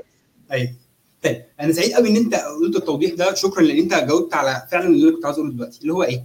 أنا قررت إن أنا مش هجاوب هو scientific ولا لأ. لأن م. فكرة بقى هل حاجة scientific ولا لأ ده أصلا سؤال يعني لو قعدنا خمسة فلسفي. هو سؤال هو سؤال فلسفي يعني عارف what is science إيه العلم وإيه يعني سؤال كده من أسئلة اللي هي الأسئلة الوجودية يعني. بالظبط. بس أنا دلوقتي أنا عندي سؤال. هو إيه اللي يخليه كويس لو هو بقى scientific بمعنى في في أحد الشعراء قال لك إيه؟ لو كانت الأرزاق بالحجة لهلكنا من جهلهن البهائم تمام؟ فانت النهارده لو إن الفلوس بتيجي بالذكاء كان الراجل اللي بيكسب نوبل بالاقتصاد كل سنة كان أغنى واحد في الدنيا. آه. أنت مش عاوز حد يديك قواعد لأن هي الفكرة كلها مش قايمة على الساينس هي قايمة على الناس بتخاف إزاي تمام؟ والناس بتتعامل مع الجشع إزاي والطمع إزاي. نقطة. بس هو لو هلخص ال technical analysis في كلمة واحدة هو بيقول لك ال money flow فين بيقول لك الناس لما هيخافوا هينزلوا يا إما هينزلوا هنا يا إما هيطلعوا هنا. والله لو الحتة الفلانية دي لو كسرتها فالفلوس هتكمل هنا. لو كسرت الحتة التحتانيه الفلوس هتكمل هنا. فأنت مش محتاج يعني مش منطقي إن هي تبقى scientific مش واحد زائد واحد يساوي اثنين لأن ال market dynamic لا بص بص هو هو هو هي بتتعمل إزاي؟ خلينا نعمل برضو زي ما زي ما ال- يعني يعني لو جينا نفكر لو لو شوية باحثين في ستانفورد هيعملوا إيه؟ هيقول لك نعمل نعمل تجربة أيوة. ون- ون- ونعمل تصنيف ونشوف الناس فأنت مثلا أكتر واحد هتلاقيه بيعمل الحاجات دي اللي هو دان أريالي اللي هو بتاع بتاع آه، اللي هو آه، اللي هي irrationally predictable أنت أيوة. لو اتعلمت من الراجل ده لو اتعلمت من الراجل ده هتفهم الناس بتتصرف إزاي الirrationality لأن في حاجات تبقى شكلها راشنال والناس بتتصرف irrational فهو بيقول لك predictably irrational فهو انت تقدر ت predict ال irrationality وبالتالي. تقدر تقول التصرفات تبقى شكلها عامل إزاي وبما انها تصرف انساني يعني ده لو algorithm لو انت بتتخانق مع algorithm ماشي بس انت أيوة. بتتخانق مع مع بشر بتكرر حلو وحتى ال حتى ال models الموجودة مبنية على تصرفات البشر فهي برضو بالأساس معيوبة يعني فاهم؟ بالأساس فيها مشاكلنا يعني فاهم إزاي؟ فالاعتقاد الشخصي إن هو إيه هي أنا أنا فكرة إن إحنا ن dismiss أي حاجة أنا ما بحبهاش بس هي ممكن نذاكر ونشوف إيه هي شغالة إزاي ونقول إن كان لو كان الشيخ آه، اللي هو اللي عارف اللي هم الشيوخ اللي هم اللي هم بتوع بيقرا الطالع والكلام ده كنت هقول لك آه okay. بس هي ما مش هي مش فيها قراية طالع قوي على قد ما هي unknowns هي حاجات إحنا مش فاهمين هي شغالة إزاي. يعني هي في حتة محتاجين نتعلمها محتاجين نفهمها محتاجين نعمل ال research ده ال research اللي هو إيه نجيب آه، مثلا لو عايزين نعرف ال- ال index في مصر بيشتغل إزاي نبتدي نصنف الناس هو مين اللي بي invest مين 80% من ال investors حلو؟ مين اللي بيتحكم في 80% من ال market؟ لو لقيتهم هم خمسة أصلا ممكن تروح تتكلم معاهم. تقول لهم أنتوا على أساس إيه بتشتروا؟ وتعرف وخلاص السلام عليكم اديك أديك عرفتوا وتمشي وراهم يعني. أحلى مثال بمثل بيه ال technical analysis هو ال offside في كرة القدم. يعني آه. ال side ده مش pseudo science ولا science ولا أي حاجة. ال offside هو مجموعة من القواعد اتفق عليها الأشخاص اللي بيلعبوا اللعبه تمام؟ فقال لك لما ده يحصل يا جماعة ده offside لما واحد يسبق البسيط للكره بعد المدافع فده offside تمام؟ فهي الفكرة هنا في ال- في ال technical analysis هو إيه؟ دي مجموعة من القواعد بتاعت الناس اللي موجودة في السوق اللي اتعرفوا عليها قدر بشكل ما وقدر ما. تمام؟ فعشان كده هو توصيف لحالة. اللي انت بتحكيه ده توصيف لحاله. فاللي قدامك يعني- ده توصيف لحاله. okay اتفضل. هقول لك على حاجة. تعالى ناخد نبص على ال chart شكله عامل إزاي وح... يعني أنا متفق معاك في اللي انت بتقوله بس يمكن إيه آم، مش خلي م- ضغط الك- شوية. okay. تمام؟ طيب. تعالى كده نبص كده إيه بص تعالى عايز أوريك على ال chart بتاعي أنا شخصيا شكله عامل إزاي خطوط بقى وكلام فارغ كل دي كل إيه القرف ده. تمام؟ أنت خسران يا زيدان؟ أنت خسران يا زيدان؟ لا لا ده ده ال market. ال market. آه okay. okay ماشي. أنا بره ال market أصلا بره ال market. تمام تعالى كده نشوف هو إيه اللي أنا فاتحه ده؟ إيه ال tool اللي موجوده قدامنا؟ دي tool اسمها TradingView دي أشهر tool في العالم الواحد بيقدر يعمل بيها تحليل تمام؟ طيب. تمام. ال tool دي إحنا شايفين قدامنا دلوقتي شايفين قدامنا سعر, سعر سهم ما شركة اسمها SXP تمام؟ طيب. تعال نفتح كده ده تحليل الشخصي. سيبك من كل الكلام ده. إحنا هنفتح على نظافه ونبدأ من ال zero. بسم الله الرحمن الرحيم. technical analysis تمام. شكله عامل إزاي؟ يلا يا سيدي الفاضل عاوزين حاجة جديدة. ده هو مصر يديك ال طيب خليني أبدأ لك زي ما هو المفروض يبدأ. أنت أول ما بتبدأ بيبقى شكل ال chart عامل كده. آه. إيه إيه إيه الشرط دي؟ تمام؟ في شرط في شرط في شرط تحت وشرط فوق. بالظبط. يعني بس مربعات ده شرط ومربعات وهيصه فاهم؟ آه. أنا عارف إن أنت قلت قبل كده إن اللي فوق ده اسمه شمعة إن هي اللي هو ال difference ما بين امبارح والنهاردة تقريبا. آه إحنا دلوقتي بنبص على إيه؟ إحنا بنبص أول حاجة على time frame تمام؟ يعني إيه time frame؟ إحنا قدامنا دلوقتي أنت دلوقتي عاوز تبص على سعر سعر شركة فتقول في خلال الأسبوع اللي فات ولا الشهر اللي فات ولا السنة اللي فاتت إحنا اتفقنا إن ال market بيتحرك في فترات زمنية مختلفة تمام؟ فإحنا دلوقتي بنبص على time frame بتاع week كل أسبوع. أنا عاوز أشوف سعر السهم بتاع الشركة دي كل أسبوع. فقال لك طيب أنت الطبيعي إن أنت هتشوف السعر شكله عامل إزاي اللي إحنا متعرف عليه؟ كده. chart عادية خالص line chart عادي خالص تمام؟ اي اي فبعد كده جالنا اختراع جميل جدا اسمها الشموع. الشموع دي بتقول لك إيه؟ الشم كل ده بس عشان خاطر عشان خاطر نو- نوصفها للناس اللي بتسمع. الشموع دي إن ال... ال... أنت لما بترسم آه، أي تشارت بتعمل نقطة نقطة من يوم ليوم. فالنقطة دي يا بتبقى طالعة يا بتبقى نازلة. فبدل ما يحط نقطة طالعة ونقطة نازلة بيروح مجمعها في خط واحد والخط ده بيبقى يعني مربع والمربع ده بيبقى يعني يا طالع لفوق يا نازل لتحت. بس. بالظبط. وليه لون وليه لون تمام؟ طيب. المربع ده إيه توصيفه؟ متوصف بأربع حاجات. بص أنا عاوزك تاخد بالك معايا فوق هنا هتلاقي فيه حروف. أول حرف O O 2.3 ف O يعني opening فبيقول لك إيه؟ الشمعة التي تعبر عن الأسبوع اللي كان بتاريخ انزل تحت معايا اقرا التاريخ. 3 أغسطس دي شمعة تعبر عن ال opening بتاع تاريخ 3 أغسطس كان ب ب ال 1.7 تمام؟ طيب الاتش الهاي أعلى نقطة وصل لها السعر هي 2.5 ال ال low. أقل سعر وصل له كان 1.6 ال close 2.3 ده آخر سعر قفل عليه الأسبوع. تمام. ده لما تيجي تبص كده للشمعة بص على ال low وال high دي ال low ده ال- ال close بتاعك. ده. ال open وال close بتاعك معبر عنه في الجزئية دي. تمام. وال low وال high بتاعك هو يعني عارف إيه؟ الأجزاء ال- ال- اللي فوق وتحت دي. هو آه وصل للنقطة دي. تمام؟ بس ما قدرش يحافظ على النقطة دي أو ما كملش النقطة دي. تمام؟ ده اختصار آه. مخل شوية.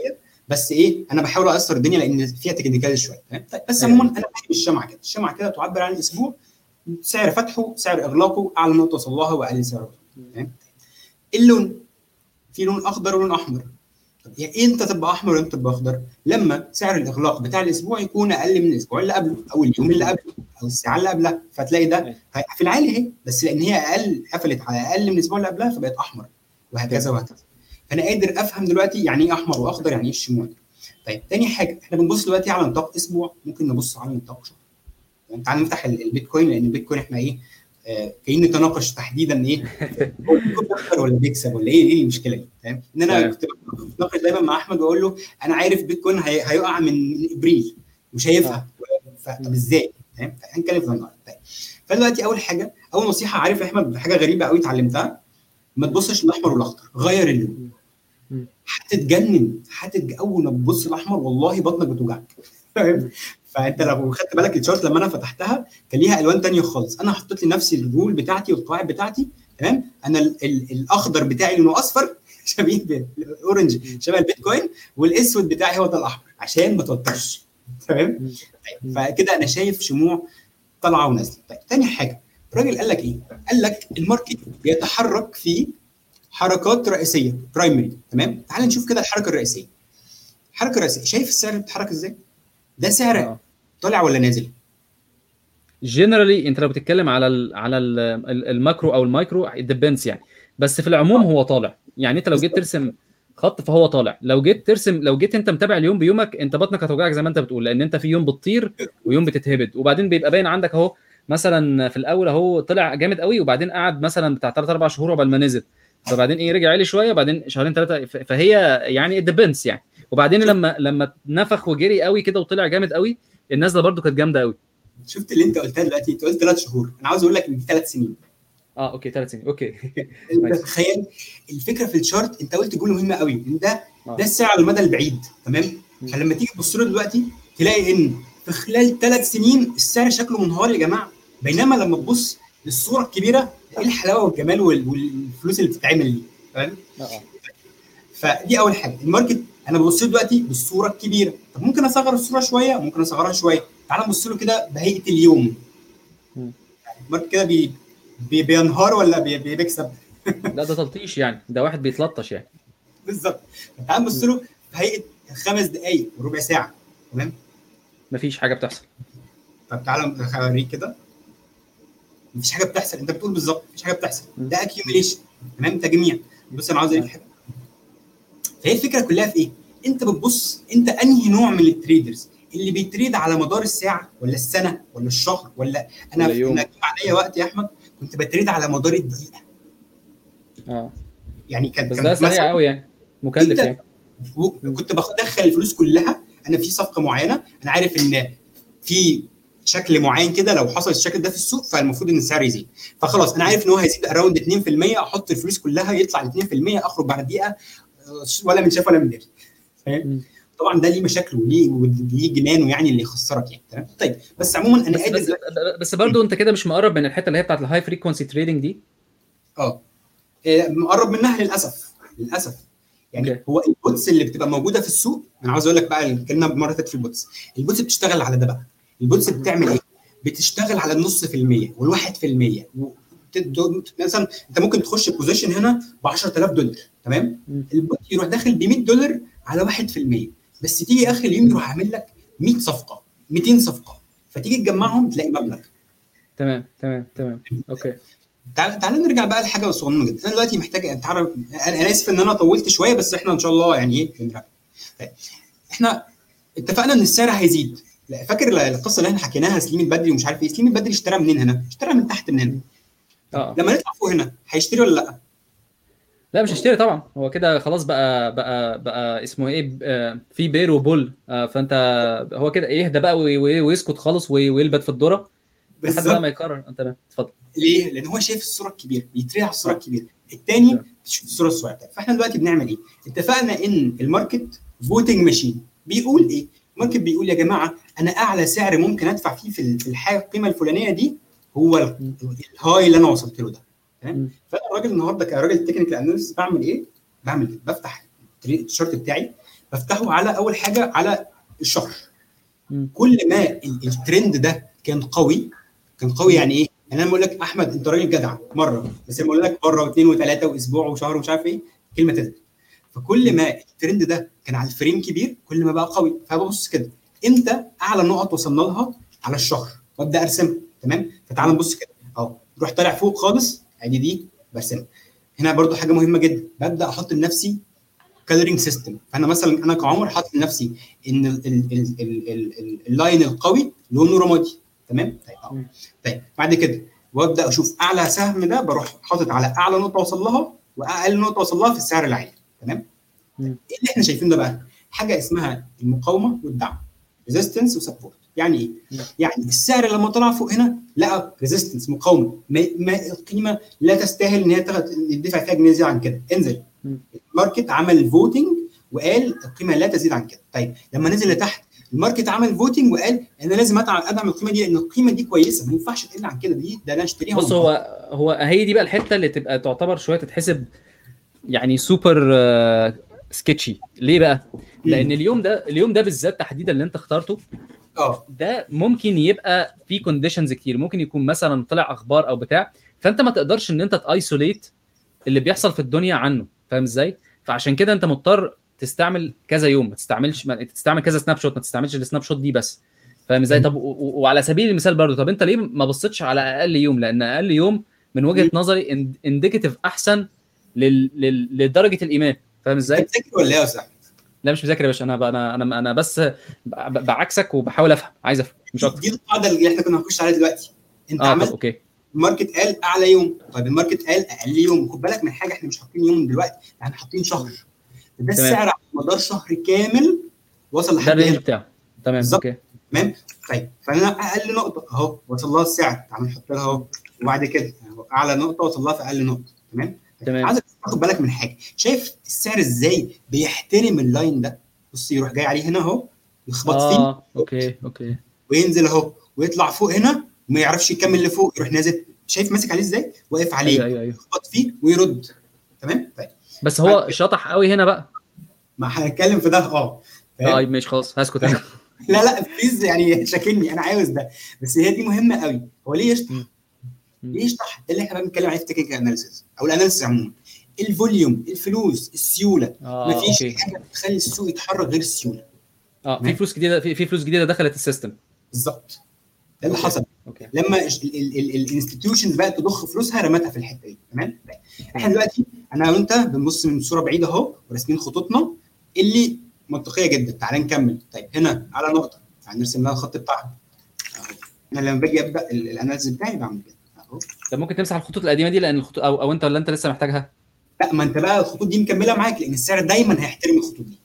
آه okay okay. تمام؟ طيب. إحنا عملنا ال- الشهر ناخد الأسبوع. بص بص على الأسبوع بالله يعني. شايف إزاي في ال- ال week إزاي برضه احترم الخط؟ إزاي واقف عليه؟ بالظبط. تمام؟ أهو هنا بص شايف إزاي ماشي بين الخطوط؟ بالظبط. هن- هنرسم بص. هو هي برضو أنا أنا أنا ابتديت أفهم ليه الناس بتقول عليها إن هي يعني شغل نصب يعني لأن لأن فيها شوية بص هو الكلام صعب يتفورماليز يعني الكلام ده لو جيت تقول إن هو نظريه هو مش نظرية وتقول إن هو لا هو هو ملاحظات مبنية على توصيف. يعني إحنا بنقول عليه ده, ده توصيف السوق.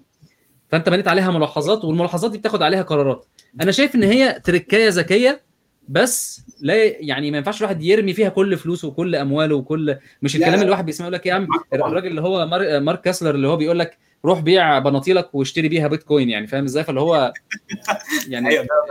بس آه. خد بالك من حاجة الراجل ده في ممكن الراجل ده تلاقيه في سياق وبيبص للصورة الكبيرة اللي أنا كمستثمر صغنون ما تنفعنيش ما ينفعش آخد كلامه آه، ده يبقى صح بالنسبة لي. صحيح. الراجل ده صحيح. هياخد دماغه 20 30 سنة قدام. يعني أنا عاوز أقول لك آه، كان آه، بشوف لقاء ل Warren Buffett كان بيتكلم على سهم معين بيقول لك أنا كسبت منه بعد 17 سنة. يا نهار آه، أبيض. فاهم؟ أنا مين أيوة. عشان 17 سنة؟ طيب تعالى كده نكمل. أنا هنكمل سريعا أهو ونشوف كده إيه. نبص هنا على برضو أعلى نقطة وصلنا لها وأقل نقطة وصلنا لها في الأسبوع. بس هنا بنغير اللون بتاعنا ال coloring system بتاعنا إن إحنا نزلنا frame أقل تمام؟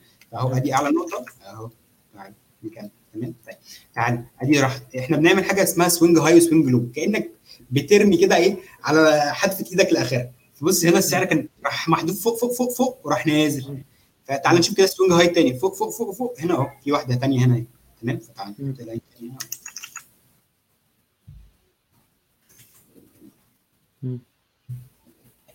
تعالى نكمل طيب بعد كده إحنا شفنا دلوقتي الأسبوع. تعالى نبص على تمام؟ شايف الصورة بتبدأ توضح إزاي؟ شايف إزاي محترم على نطاق اليوم؟ إزاي محترم اللاينز إزاي؟ مكمل عليها. لا لا يتفاداها. تمام؟ طيب تعال نكمل. نرسم الخطوط بتاعتنا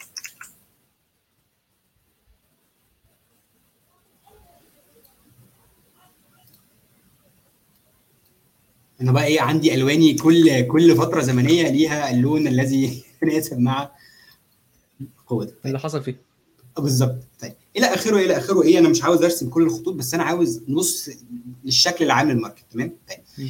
الحاجة اللي إحنا بنسميها دلوقتي هي خطوط المقاومة والدعم. طيب هل المقاومة والدعم بالشكل ال- ال- ال- العرضي بس؟ ده لا. ليه؟ حاسس إن في خطوط تانية مرسومة كده بالعين؟ بس انت مش مش راسمينها يعني إيه يعني هي بص هو هو إحنا أنا أنا بتاع algorithms و software فانا أقول لك أيوة. إن حاجة في عندي أنا شايف clusters clusters of action يعني انت لو هتعمل دايرة ادي دايرة عند هنا مثلا آه، أيوة. مش هقول هنا دايرة هنا في دايرة في مكان وبعدين بعديها دايرة فوق شوية وبعدين بعديها دايرة جنبيها دايرة جنبيها دايرة تحتيها دايرة تحتيها كده يعني ما بالظبط هي دي بقى الفكرة في إيه؟ بص شايف هنا السعر هنا راح خابط احترم ال line وهنا احترم ال line ما اتكسرش ولما كسروا طلع فوق جدا طيب لما جه هنا شوف واقف عليه إزاي؟ احترم ال line لما كسروا انهار. هنا بيخبط فيه ويرجع تاني. بيخبط فيه ويرجع تاني. محترمه بشكل رهيب جدا. تمام؟ طيب حاسس إن في line تاني مش مش بالعرض كده موجود وإحنا مش شايفينه؟ حاول تبص كده معايا عليه دور معايا عليه مش بالعرض بزاوية تانية. شايف line هو بص أنت لو جيت ما هي بقى برضو تخش بقى في في حاجة تانية اسمها regression أنا مم. بحب التقسيم. فأنا شايف إن إن لو عملنا ال regression هو أنت ال view ده سنة ولا قد إيه؟ ده يوم.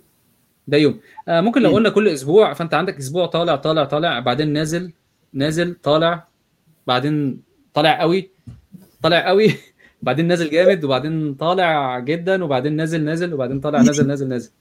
هي دي. بص هقول لك على حاجة صغنونة. تعالى كده نسمع الكلام اللي قاله السيد آه، تشارلز ده. قال لك إيه؟ في حركة كبيرة عامة لل market. تعالى نبص كده على الحركة الكبيرة العامة لل market. أهي شايف. أهي. تمام تعالى أيوة. نرسمها كده بسهم عشان مستمعينا ومشاهدينا يشوفوها. أهي. تمام طيب.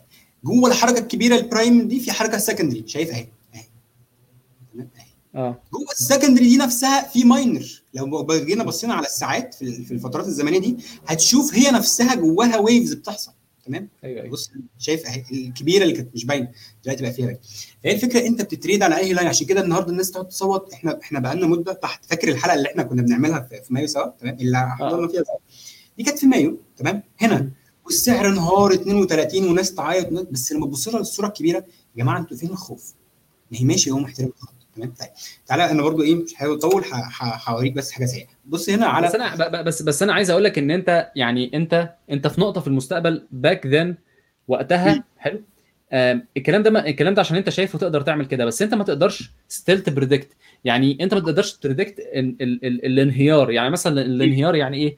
يعني بما إنك أنت راجل بتاع technical analysis الأسبوع الجاي بيتكوين هيبقى سعره كام؟ من وجهة نظرك. طيب هقول لك. يلا بينا نلعب اللعبة دي سوا. آه عارف- ماشي. أنا عارف الكلام ده وهاخد الفرق منك. العب. TradingView في حركة جميلة قوي. تمام؟ إحنا عشان أنا بقول لك أنا ليه بقعد أربع ساعات كل يوم أذاكر؟ عشان اللي أنت بتقوله ده تحليل. نعمل إيه؟ يقول لك إيه؟ أنت أنا دلوقتي كل ده تعالى نخفيه ونبص للماضي. ونشوف هو إيه اللي ممكن نتوقع أنا وانت دلوقتي هناخد قرارات شكلها عامل إزاي. ونقرر هو ده سعر منطقي ولا مش منطقي. تمام؟ تمام. إيه رأيك. ونقول لك برضو على الأسبوع الأسبوع الجاي هيبقى شكله عامل إزاي. بس عموما يعني دلوقتي أنا عاوز بس أرسم حاجة صغنونة خالص وهي إيه؟ في ترند هنا اهو لو انت شايفه اهو. شايفه؟ آه. شايف الترند أيوه. ده يا سيدي الفاضل ده trend line واضح يراه أي كفيف. يراه أي كفيف. تمام؟ الكارثة بتحصل فين يا سيد أحمد؟ إن أنت النهارده الترند ماشي شغال شغال شغال وكسرته. أنت القاعدة بتقول لك لو أنت كسرت الترند أنت رايح في حتة تانية خالص تمام؟ أنت كسرت المقاومة أو كسرت الدعم الحتة اللي بتدعمك وتزقك لفوق أنت كسرتها. يبقى هتروح فين؟ لو كسرت الدعم هتروح فين؟ يعني at certain point بقى هيبقى هيبقى في انهيار يعني. بالظبط. فأنت تخيل الناس بيبقى عندها من ال- يعني المهم الق- القناعة إن هي تشتري وهو أهو ماشي على ال line ماشي على ال line ويكسر ال line تتوقع ان هو يحصل فين؟ أنت هوريك حاجة. آه. أنت لو جيت لو جيت تعال نبص كده السعر لو أنت كنت اشتريت من هنا تمام؟ اللي هو. بتاريخ عاوزين نشوف بداية السنة 1 يناير. 1 يناير فين أهو؟ دي candle 1 يناير. بتاريخ 1 يناير لحد قبل كسر الترند أهو تمام؟ ده 100% مكسب. أنت لو احترمت ال line بس وما بصيتش على أي حاجة تانية بس المشكلة دايما إحنا طماعين دايما إحنا طماعين تمام؟ طيب.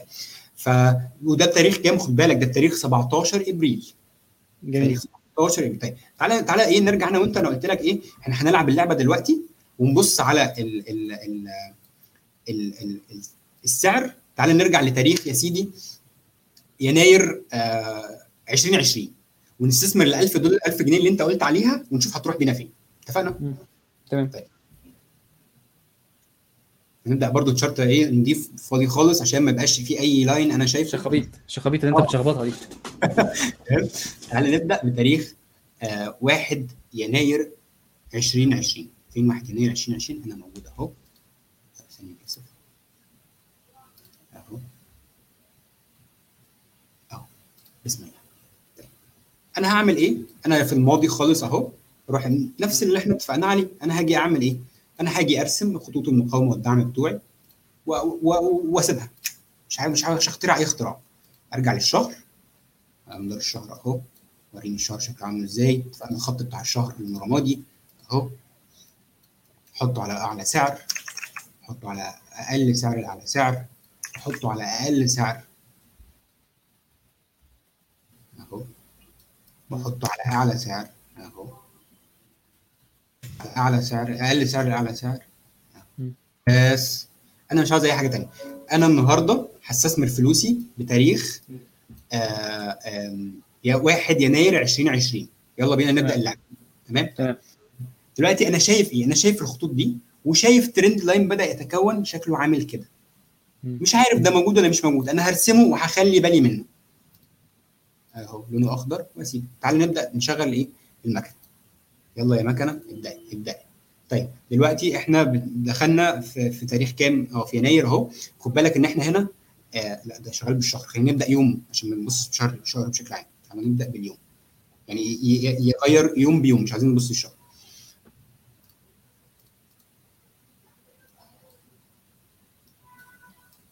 يناير.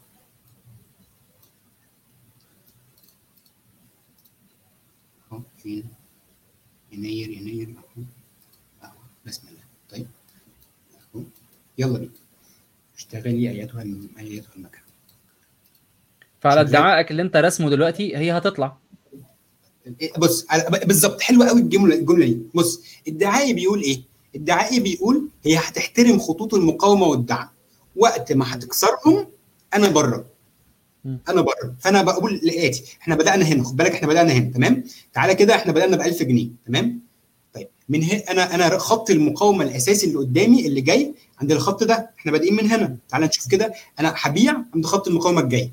فيها مكسب 30% تمام. معلش احسب لنا كده. ال 1000 جنيه زائد 30% 1030 1300 جنيه تمام؟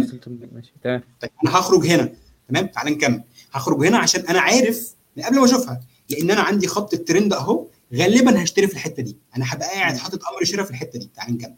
تمام؟ أكمل فوق. إيه ده؟ أنا بخسر ولا إيه؟ فاتتني. عارف إيه بيحصل هنا؟ الناس بتخش. أيوه أيوه. لا أنت مش opportunity آه. مش هخش. أنا هي دي فكرة جمال بقى ال analysis بتاعي في إيه؟ هو مش بيقول لي أنت هتكسب فين وهتخسر منين. مش هخش. ده بعيدا عن خطوط المقاومة والدعم بتاعتي. تمام؟ طيب. شوف شوف شوف شوف. بينهار إزاي؟ أنا أنا ما أعرفش أنا ما أعرفش والله العظيم من غير ما ابص على ال chart مش عارف أكيد مش حافظ يوم بيوم بس أنا عارف ان ما دام هو كسر ال line بتاعه أنا بره يا باشا فكل ده أنا بره طيب هنا نزل تحت هنا أنا كنت شاري هنا خد بالك إحنا بايعين عن سعر كام؟ عندي باع بسعر 9100 النهارده السعر 5300 تشتري ولا ما تشتريش؟ هو according للسهم للرقم للخط بتاعك انت هتشتري آه هتشتري بصراحة بصراحة اشتري تمام؟ فاحنا دلوقتي هنعيد استثمار فلوسنا عند سعر 5300 ونبدأ نشتري ونكمل مع اللعبة دي. يلا بينا. بيطلع بيطلع بيطلع بيطلع بيطلع. شايف شايف شايف إزاي هو مقاوم خط ال- ال trend line؟ موقفه إزاي؟ احترمه إزاي؟ هو بيجي هو بي بي بي- اعتقد بص هو بيتحرك حواليه بس ال... ال... بص أنا أقول لك حاجة. أنا أنا أنا بحب الاحصاء. اللي انت بتعمله ده جميل بس مم. بالنسبة لي لو لو يعني لو أنا وانت اصل دي حاجة technical في ال... في الاحصاء يعني. لو مم. لو بعمل interview وانت قابل يعني بعمل interview لحد وهو قبل ال standard deviation ده أنا مش مم. مش هشتغل معاك. ما تزعلش مني. ده standard deviation عالي جدا. لأن أنت لما بتيجي اللي هو التحليل الإحصائي بيبقى فيه standard deviation أيوة. ال- الخط بتاعك ال... هو البعد قد إيه؟ البعد ده بعيد قوي. يعني البعد ده بعيد ده بعيد كتير. يعني المسافة ما بين التوقع واللي حاصل بعيدة. هو آه ماشي بس عارف زي ما تقول كده هي ماشية بال whim مش ماشية حلو ما هي- دايما بص هقول لك على حاجة. هو الخط هنا ما بيقولكش أي حقائق. هو الخط هنا بيقول لي إن أنا عارف إن هو لو خط هو جايد. آه في مقاومة. جايد. بالظبط هو جاي هو جاي حرفيا تمام؟ طيب فاكر إحنا دخلنا هنا عند 5300 أنا هبيع آه. يا سيدي الفاضل هنا عند سعر 9100 لأن أنا شايف إن خط المقاومة ده قوي جدا تمام؟ فدلوقتي أنا كسبان 70% حط لي لو سمحت 70% على 1300 جنيه بتوعي تمام؟ 1700 آه ال- 1300 آه. 1300 في 70% مكسب. تمام؟ دول 910 زائد 1300 أنا كده كسبان 2110 جنيه. تمام؟ تعال نكمل. طيب هنا بقى أوكي. آه هنا مش مش هطلع بنص مش بكل الفلوس. للأسف هسيب نص الفلوس. ليه؟ أنا شايف إن هو بيحاول يكسر السعر ده بيحاول. تمام. حاسس إن هو هيكمل. تمام؟ يلا. بص بص بص بص بص بص. خد. بالك؟ شايف شايف ال- آه، مش ثانية واحدة. من هنا من ساعة ما خرجنا بتاريخ 30 إبريل لحد هنا قبل النقطه الكبيرة يوليو في عدى بتاع شهرين. هم عدوا قدامنا لحظات بس في الشهرين دول أنت لا تتخيل ال- الحالة النفسية اللي. جدا. وراحت فين والسعر فين وأنت بتخسر فلوسك ولا إيه وكل الكلام ده كله تمام؟ بس أنت من الآخر لو نزل تحت الخط الأخضر اللي أنت حاطه ده أنت هتبيع. بنسبة نسبه كبيرة آه. بحط لنفسي كده زي ما انت بتقول كده deviation بقول لنفسي condition آه. بالظبط. بص ده بقى من الحاجات الجميلة قوي في, في ال exchanges. في حاجة اسمها OCO order cancel order بقول إيه؟ لو سمحت لو عدى السعر ده اشتري. أنا أنا عامل analysis للحالتين. أنت. شفت هنا هو احترم السعر إزاي؟ المفروض هنا أحط line بالمناسبة. تمام؟ تمام. فبقول له لو عدى ال line ده اشتري لأن أنا حاسس إن هو هيكمل. ولو عدى ال line ده بيع لأن أنا حاسس إن هو هي- هينهار. حلو قوي حلو قوي الشطاره إن أنت تبقى واخد بالك من الحتة دي. فإحنا في نص فلوسنا كانت في الماركت تمام؟ فالنص الفلوس الثاني أنا هبدأ أخش بيه بعد ما كسر الحتة دي وهكمل معاك تمام؟ تعال نكمل. أنا حاسس إن عندي إحساس للأسف إن أنا ممكن أخسر النص الثاني اللي دخلت بيه هنا لأن دي برضو خد بالك طلعة كبيرة قوي دي طلعة بتاع كام؟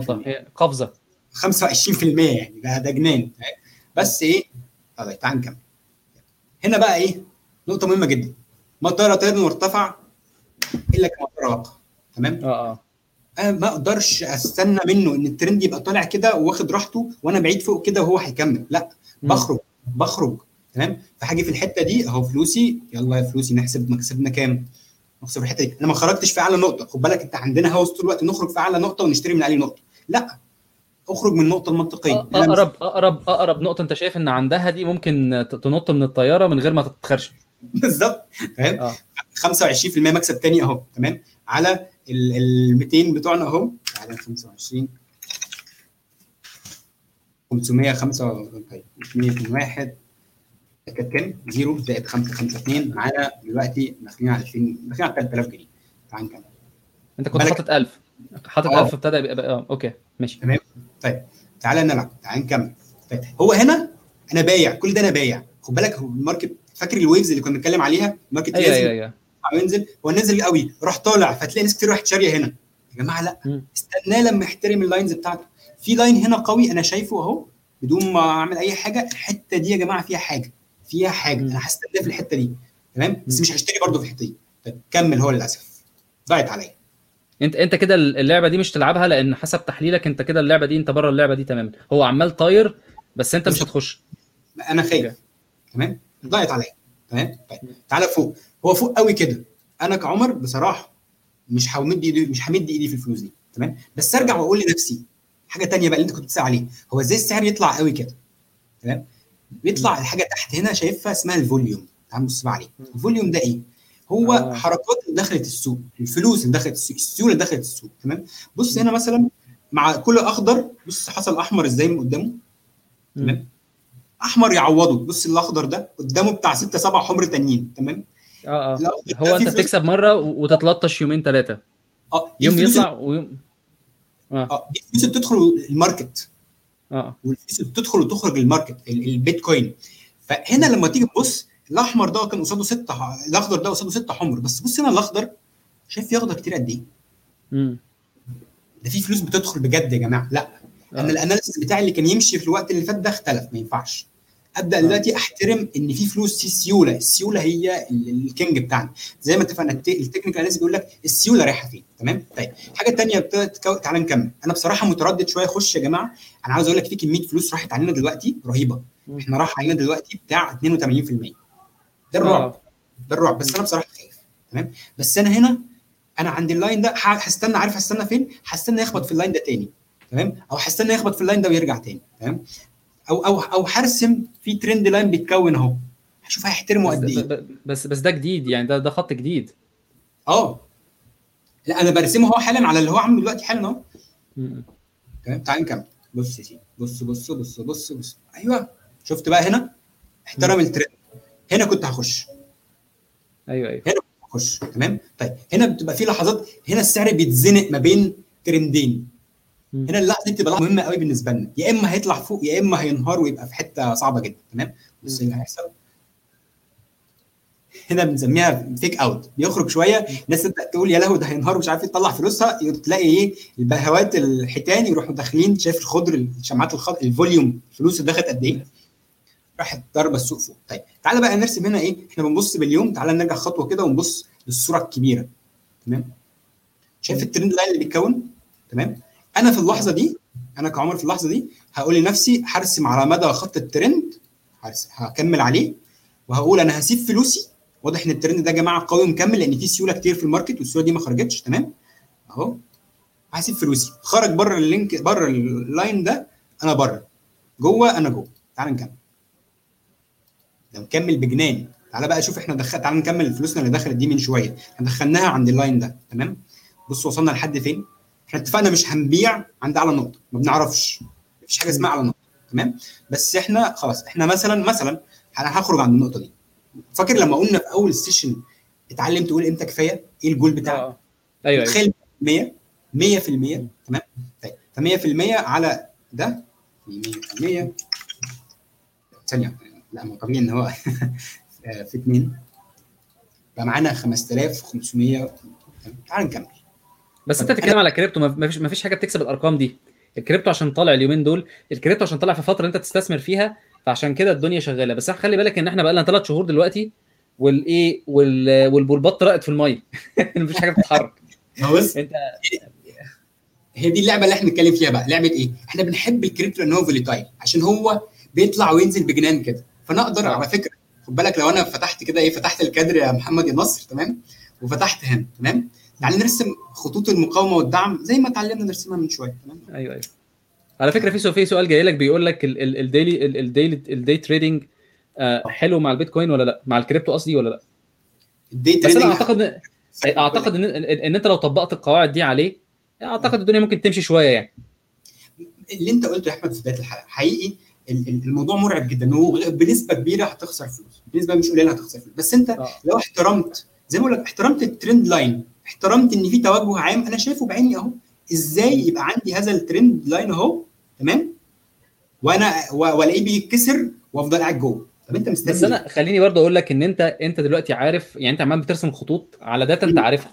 حلو؟ لا. وتاني وت- وتاني بما إن أنا راجل أنا أنا أنا شايف أنا شايف إن إن أنت في الفلوس لازم تبقى قناص يعني. ما ينفعش إن أنت ما ينفعش إن أنت تعامل الفلوس كاجوالي أنت ده يعني إيه عارف الفلوس الفلوس مهم إن أنت تاخد بالك منها فأنا وجهة نظري من وجهة نظري يعني ال ال ال ال- اللي أنت بتتكلم فيه ده as tool حلو بس. هو محتاج شغل محتاج شغل يعني أنا عشان كده امبارح ودي, ودي بقى حاجة تانية خالص أنا بفكر فيها. نفس ال نفس ال frequency اللي أنت نفس الأرقام والحاجات اللي إحنا شايفنا دي لو عملناها على إن هي frequency وخدناها واستعملنا معاها أدوات ال signal analysis دي هتطلع هتطلع هتطلع trends تانية يعني فاهم في حاجة اسمها في حاجة اسمها Fourier transformation انت تمسك ده وتفكه. هيطلع أيوة. لك كل signal لوحدها هيطلع لك الكبير لوحده والصغير لوحده فاهم؟ هيطلع لك كل حاجة لوحدها. كل حاجة لوحدها دي بقى تعمل معاها إيه؟ تحاول تـ relate هو ليه ده حصل ليه ال signal دي حصلت ليه ال signal دي حصلت ليه ال signal دي حصلت. وده يبقى تقدر تقول مستوى أعلى شوية من ال من ال من ال من ال technical analysis بص أنا مؤمن دايما باتحاد ال fundamental مع ال technical ما ينفعش technical تمام تمام تمام. تمام؟ طيب تمام. تعال نكمل كده اهو سريعا سريعا. إحنا إحنا هنشتري من هنا زي ما اتفقنا في trend line هو بص هو هو هو, كفاية بيني وبينك كفاية examples آه. هي بقت واضحة يعني. مش مش محتاج آه. ان انت توضح أكتر من كده. تعال نروح لنقطة تانية عشان دي كمان طولت قوي. آه سامحني آه طب أنا بس هوريك حاجة صغنونة. تعال نرجع للتاريخ واحد ي... واحد يناير اللي إحنا رحنا اشترينا منه ونشوف آه. لو إحنا حطينا فلوسنا ما لمسناهاش ما لعبناش العك اللي إحنا البني آدم بيعمله ده كان المفروض آه. هتكسب كام؟ تمام؟ بص. أهو. واحد يناير. اهو تعال نحط بقى. أكيد مش هنشتري مش هن... مش هنبيع بال... بالسعر الهاي بس هنبيع بسعر النهارده. مم. أنت كسبان 400% مم. ده مش بن مش بن بندعو لاسد معين بس أقصد إن حقيقي خسارتك بتيجي من أنت بتقعد بقى تلعب وتستسكى وتحط فلوسك فده كلام فارغ. سيبها سيب- وامشي. آه سيبها وامشي. توكل آه. بالظبط. طيب قول لي لو على بالك أي أسئلة أنا بتهيألي إيه وضحت من وجهة نظري في الحتة دي. طيب معلش. والله آه، آه اتفضل. اتفضل. طب قول. هقول نقطة أخيرة بس واحدة أخيرة تمام؟ واحدة أخيرة وهي إيه؟ أنا كنت بكلمك من شوية في إزاي بقى الإنسان يبقى قدامه الترند لاين ده تمام؟ اللي أنت شايفه بعينك ده أهو تعال نرسمه أهو. بيحترمه تماما تمام؟ اتكسر بتاريخ. لا لا. آه okay ماشي. أنا مش هتكلم ماشي. ويفضل قاعد جواه تمام. إزاي الانسان يشوف ال- ال trend line ده ويتكسر ويفضل قاعد جوه ال- ال- البيتكوين ومستني إن هو يكسب ومش عارف إيه. أنا بره يا باشا. ساعتها أنا أنا بقى أنا كراجل trader يعني شوية بفهم في ال في ال ال ال ال ال frames ال time frames الصغيرة. ممكن أ trade حاجة صغنونه وأطلع أجري أخدها وأجري. بس أنا في حتة ما فيهاش أي أمان. حقيقي الوضع اللي إحنا فيه النهارده في الكريبتو مفيش أي أمان. في في الفترة دي. شايف شايف بتتحرك بالعرض إزاي؟ آه. دي بقى فوق ولا تحت؟ ما أعرفش. لما تاخد قرار أنا لما تاخد قرار تكسر ال line ده لتحت أو تكسر لفوق أنا هاخد قرار هطلع فوق ولا أشتري ولا ما أشتريش. بص بقى بص السعر ده بص ال- ال line الجميل ده أهو عندنا line هنا عند ال 20 أنت كنت بتسألني السعر هيروح فين يا عمر؟ عندنا line عند ال 30 و line عند أهو ال 34 الحتة دي قوة قوية. لو كسرت للأسف إحنا هننزل تحت لحد ال 27 لو كسرت هننزل لحد ال 20 فده ال technical analysis ما بيقولكش انت رايح فين بس يقول لك خد بالك آه. من الحته دي. ان انت عندك الأسبوع الجاي مثلا لو حصل ونزلت تحت ال 30 هتنزل هتوصل 27 ولو نزلت شوية كمان هتوصل ل 20 بالظبط. هي conditions يعني. if بالظبط if if decision trees okay okay بالظبط. جميل جميل جدا.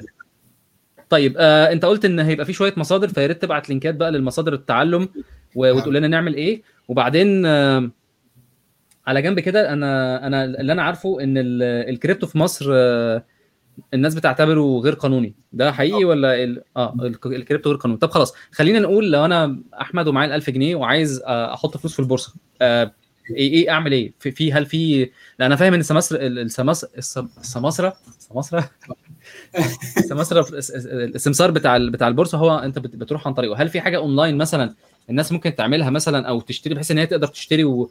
وتجرب وكده؟ أيوه معلش أنا أنا قلت لك أه يعني بس بسمعك بس هو الكريبتو آه. مش مجرم في مصر المجرم هو ال trading فيه. يعني إيه ال trading؟ مش آه. اللي إحنا البيع. بالظبط. يعني أنت تروح للسوبر ماركت وتقول له إديني 3 جنيه بيتكوين آه، هات لي قصدي شيبسي ببيتكوين.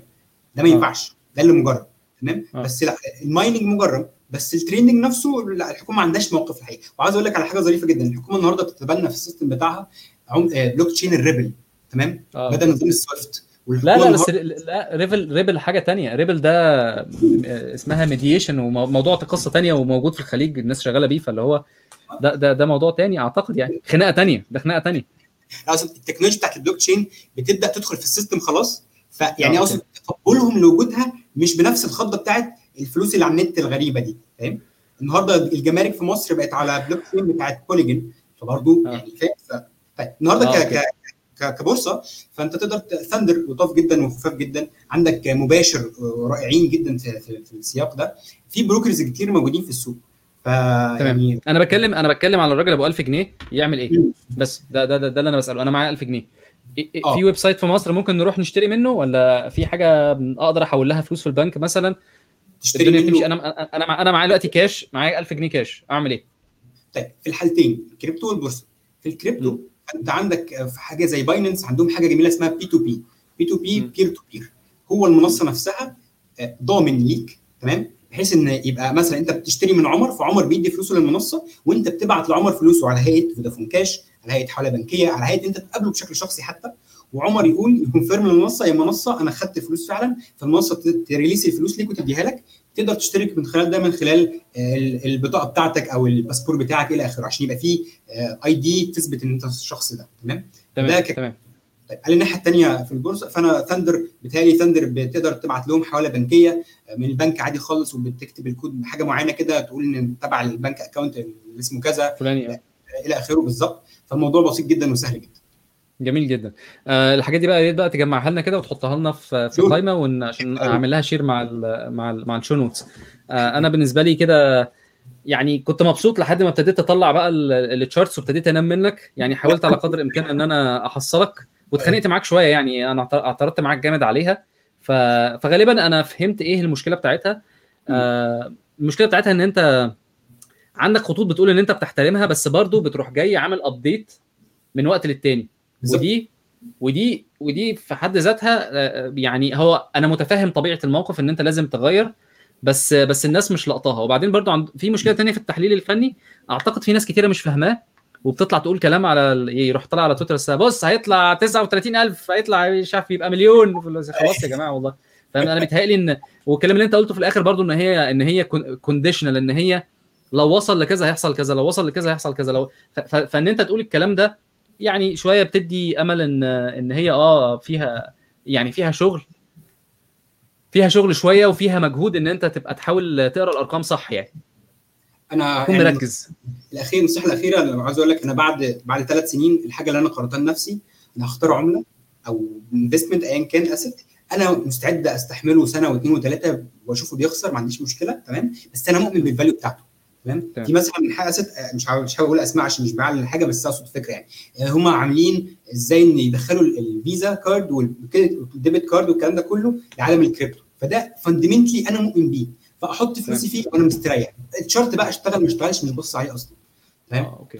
فده اللي أنا وصلت له بعد أنا قاعد بشرح لك technical وأنا أصلا ما عادش بشتغل بيه. بس بيديني كده sense تمام تمام. آه أنا متشكر ليك قوي يا فندم و... ولو أنت يعني آه آه هحط بقى الايه ال- ال Twitter ال Twitter account بتاعك والناس تخش بقى تقعد إيه تقول لك يا نصابين يا بتوع البتاع يا خدت فلوسي قلبي مش عارف إيه كده يعني. في أي وقت. والمصادر إن شاء الله موجودة في أنا أنا سعيد جدا ل... ل... للكلام اللي أنت قلته النهارده. أنا أنا اتعلمت منه شوية. و... وعايز أقول لك إن حتة الاكسبوننشال لوس دي أنا عمري ما فكرت فيها بالشكل ده إن الواحد لما بيخسر يعني أنا مثلا خسرت 300 من من 1000 ف... فما بفكرش إن أنا محتاج أكسب يعني 90% لأن أنا أنا مش أنا مش بس خسرت أنا مش محتاج أرجع 30% أنا محتاج محتاج أرجع 60% من الفلوس اللي هي معايا already دلوقتي اللي هي بتبقى أصلا صعب إن هي ترد الرده دي كلها. فأنا متشكر جدا على التوضيحات و... وأتمنى إن العلم بتاعك يبقى مفيد وينفع ناس تانية و... وأتمنى إن يبقى برضو مش عارف يعني أنا عايز أستحضر روح محمد الشريف لأن هو معترض جدا على ال technical analysis وبيعتبره pseudo science. آه كان نفسي إن هو يبقى موجود معانا وايه وتتخانقوا مع بعض قدامي وأنا أقعد أسقف كده أقول إيه عايزين دم. في حلقة كده وأعمل رهانات. بقى على مين هيضرب التاني في ال technical analysis والله بص أنا شايف إن الخناقة دي منها بص آه في format كده اللي هو format ال format اللي إحنا فيه ده ده ده ده قبل السيطره عليه. آه، ال format التاني اللي ممكن يقلب خناقة بقى ونقلع الجزم ونحدف على بعض ده مثلا Twitter space مثلا ده اللي بفكر فيه Twitter space. ونجيب كل الناس ال- ال- ال- اللي موجودة في القعدة دي الناس اللي هي ليها علاقة يعني وعارفين إن هم ناس فاهمين يعني ونخليهم يقعدوا يتكلموا يعني. فاهم إزاي؟ الفكرة كلها ان إن محمد محمد محمد بيستثمر بي بي بيذاكر يعني. أنا أقدر أقول إن هو إيه آه، النوع من نوع المستثمرين اللي هو اسمه أنت قلت عليه إيه؟ اللي هو ال fundamental إيه؟ fundamental analysis دول long term أو نسميهم آه حتى آه أنا اعتقد أعتقد إن مح- محمد محمد مدرسة fundamental analysis ومحتاج يبقى فاهم إيه اللي بيحصل يعني. فبما إن ده مش متوفر في في طبيعة البيتكوين أو بي- البيتكوين أو الكريبتو بشكل عام it's beyond أسهم. يعني أنت بتتكلم في, عملة فأنت بتتكلم إن ال- ال- ال platform اللي أنت واقف عليها دي هتتردها. فاللي هو يعني أنا مش فاهم إزاي يعني. صعب فاهم إزاي؟ فبتخلي الموضوع صعب شوية في, في تقبله يعني. بس فأنا متشكر ليك جدا و- ويعني يا رب كده نشوفك ب- على خير بإذن الله قريب. سعدت جدا باللقاء ده وشكرا والله على الوقت يا سيد أحمد وشكرا ربنا يبارك لك. ربنا يخليك. شكرا قوي السلام عليكم. مع السلامة.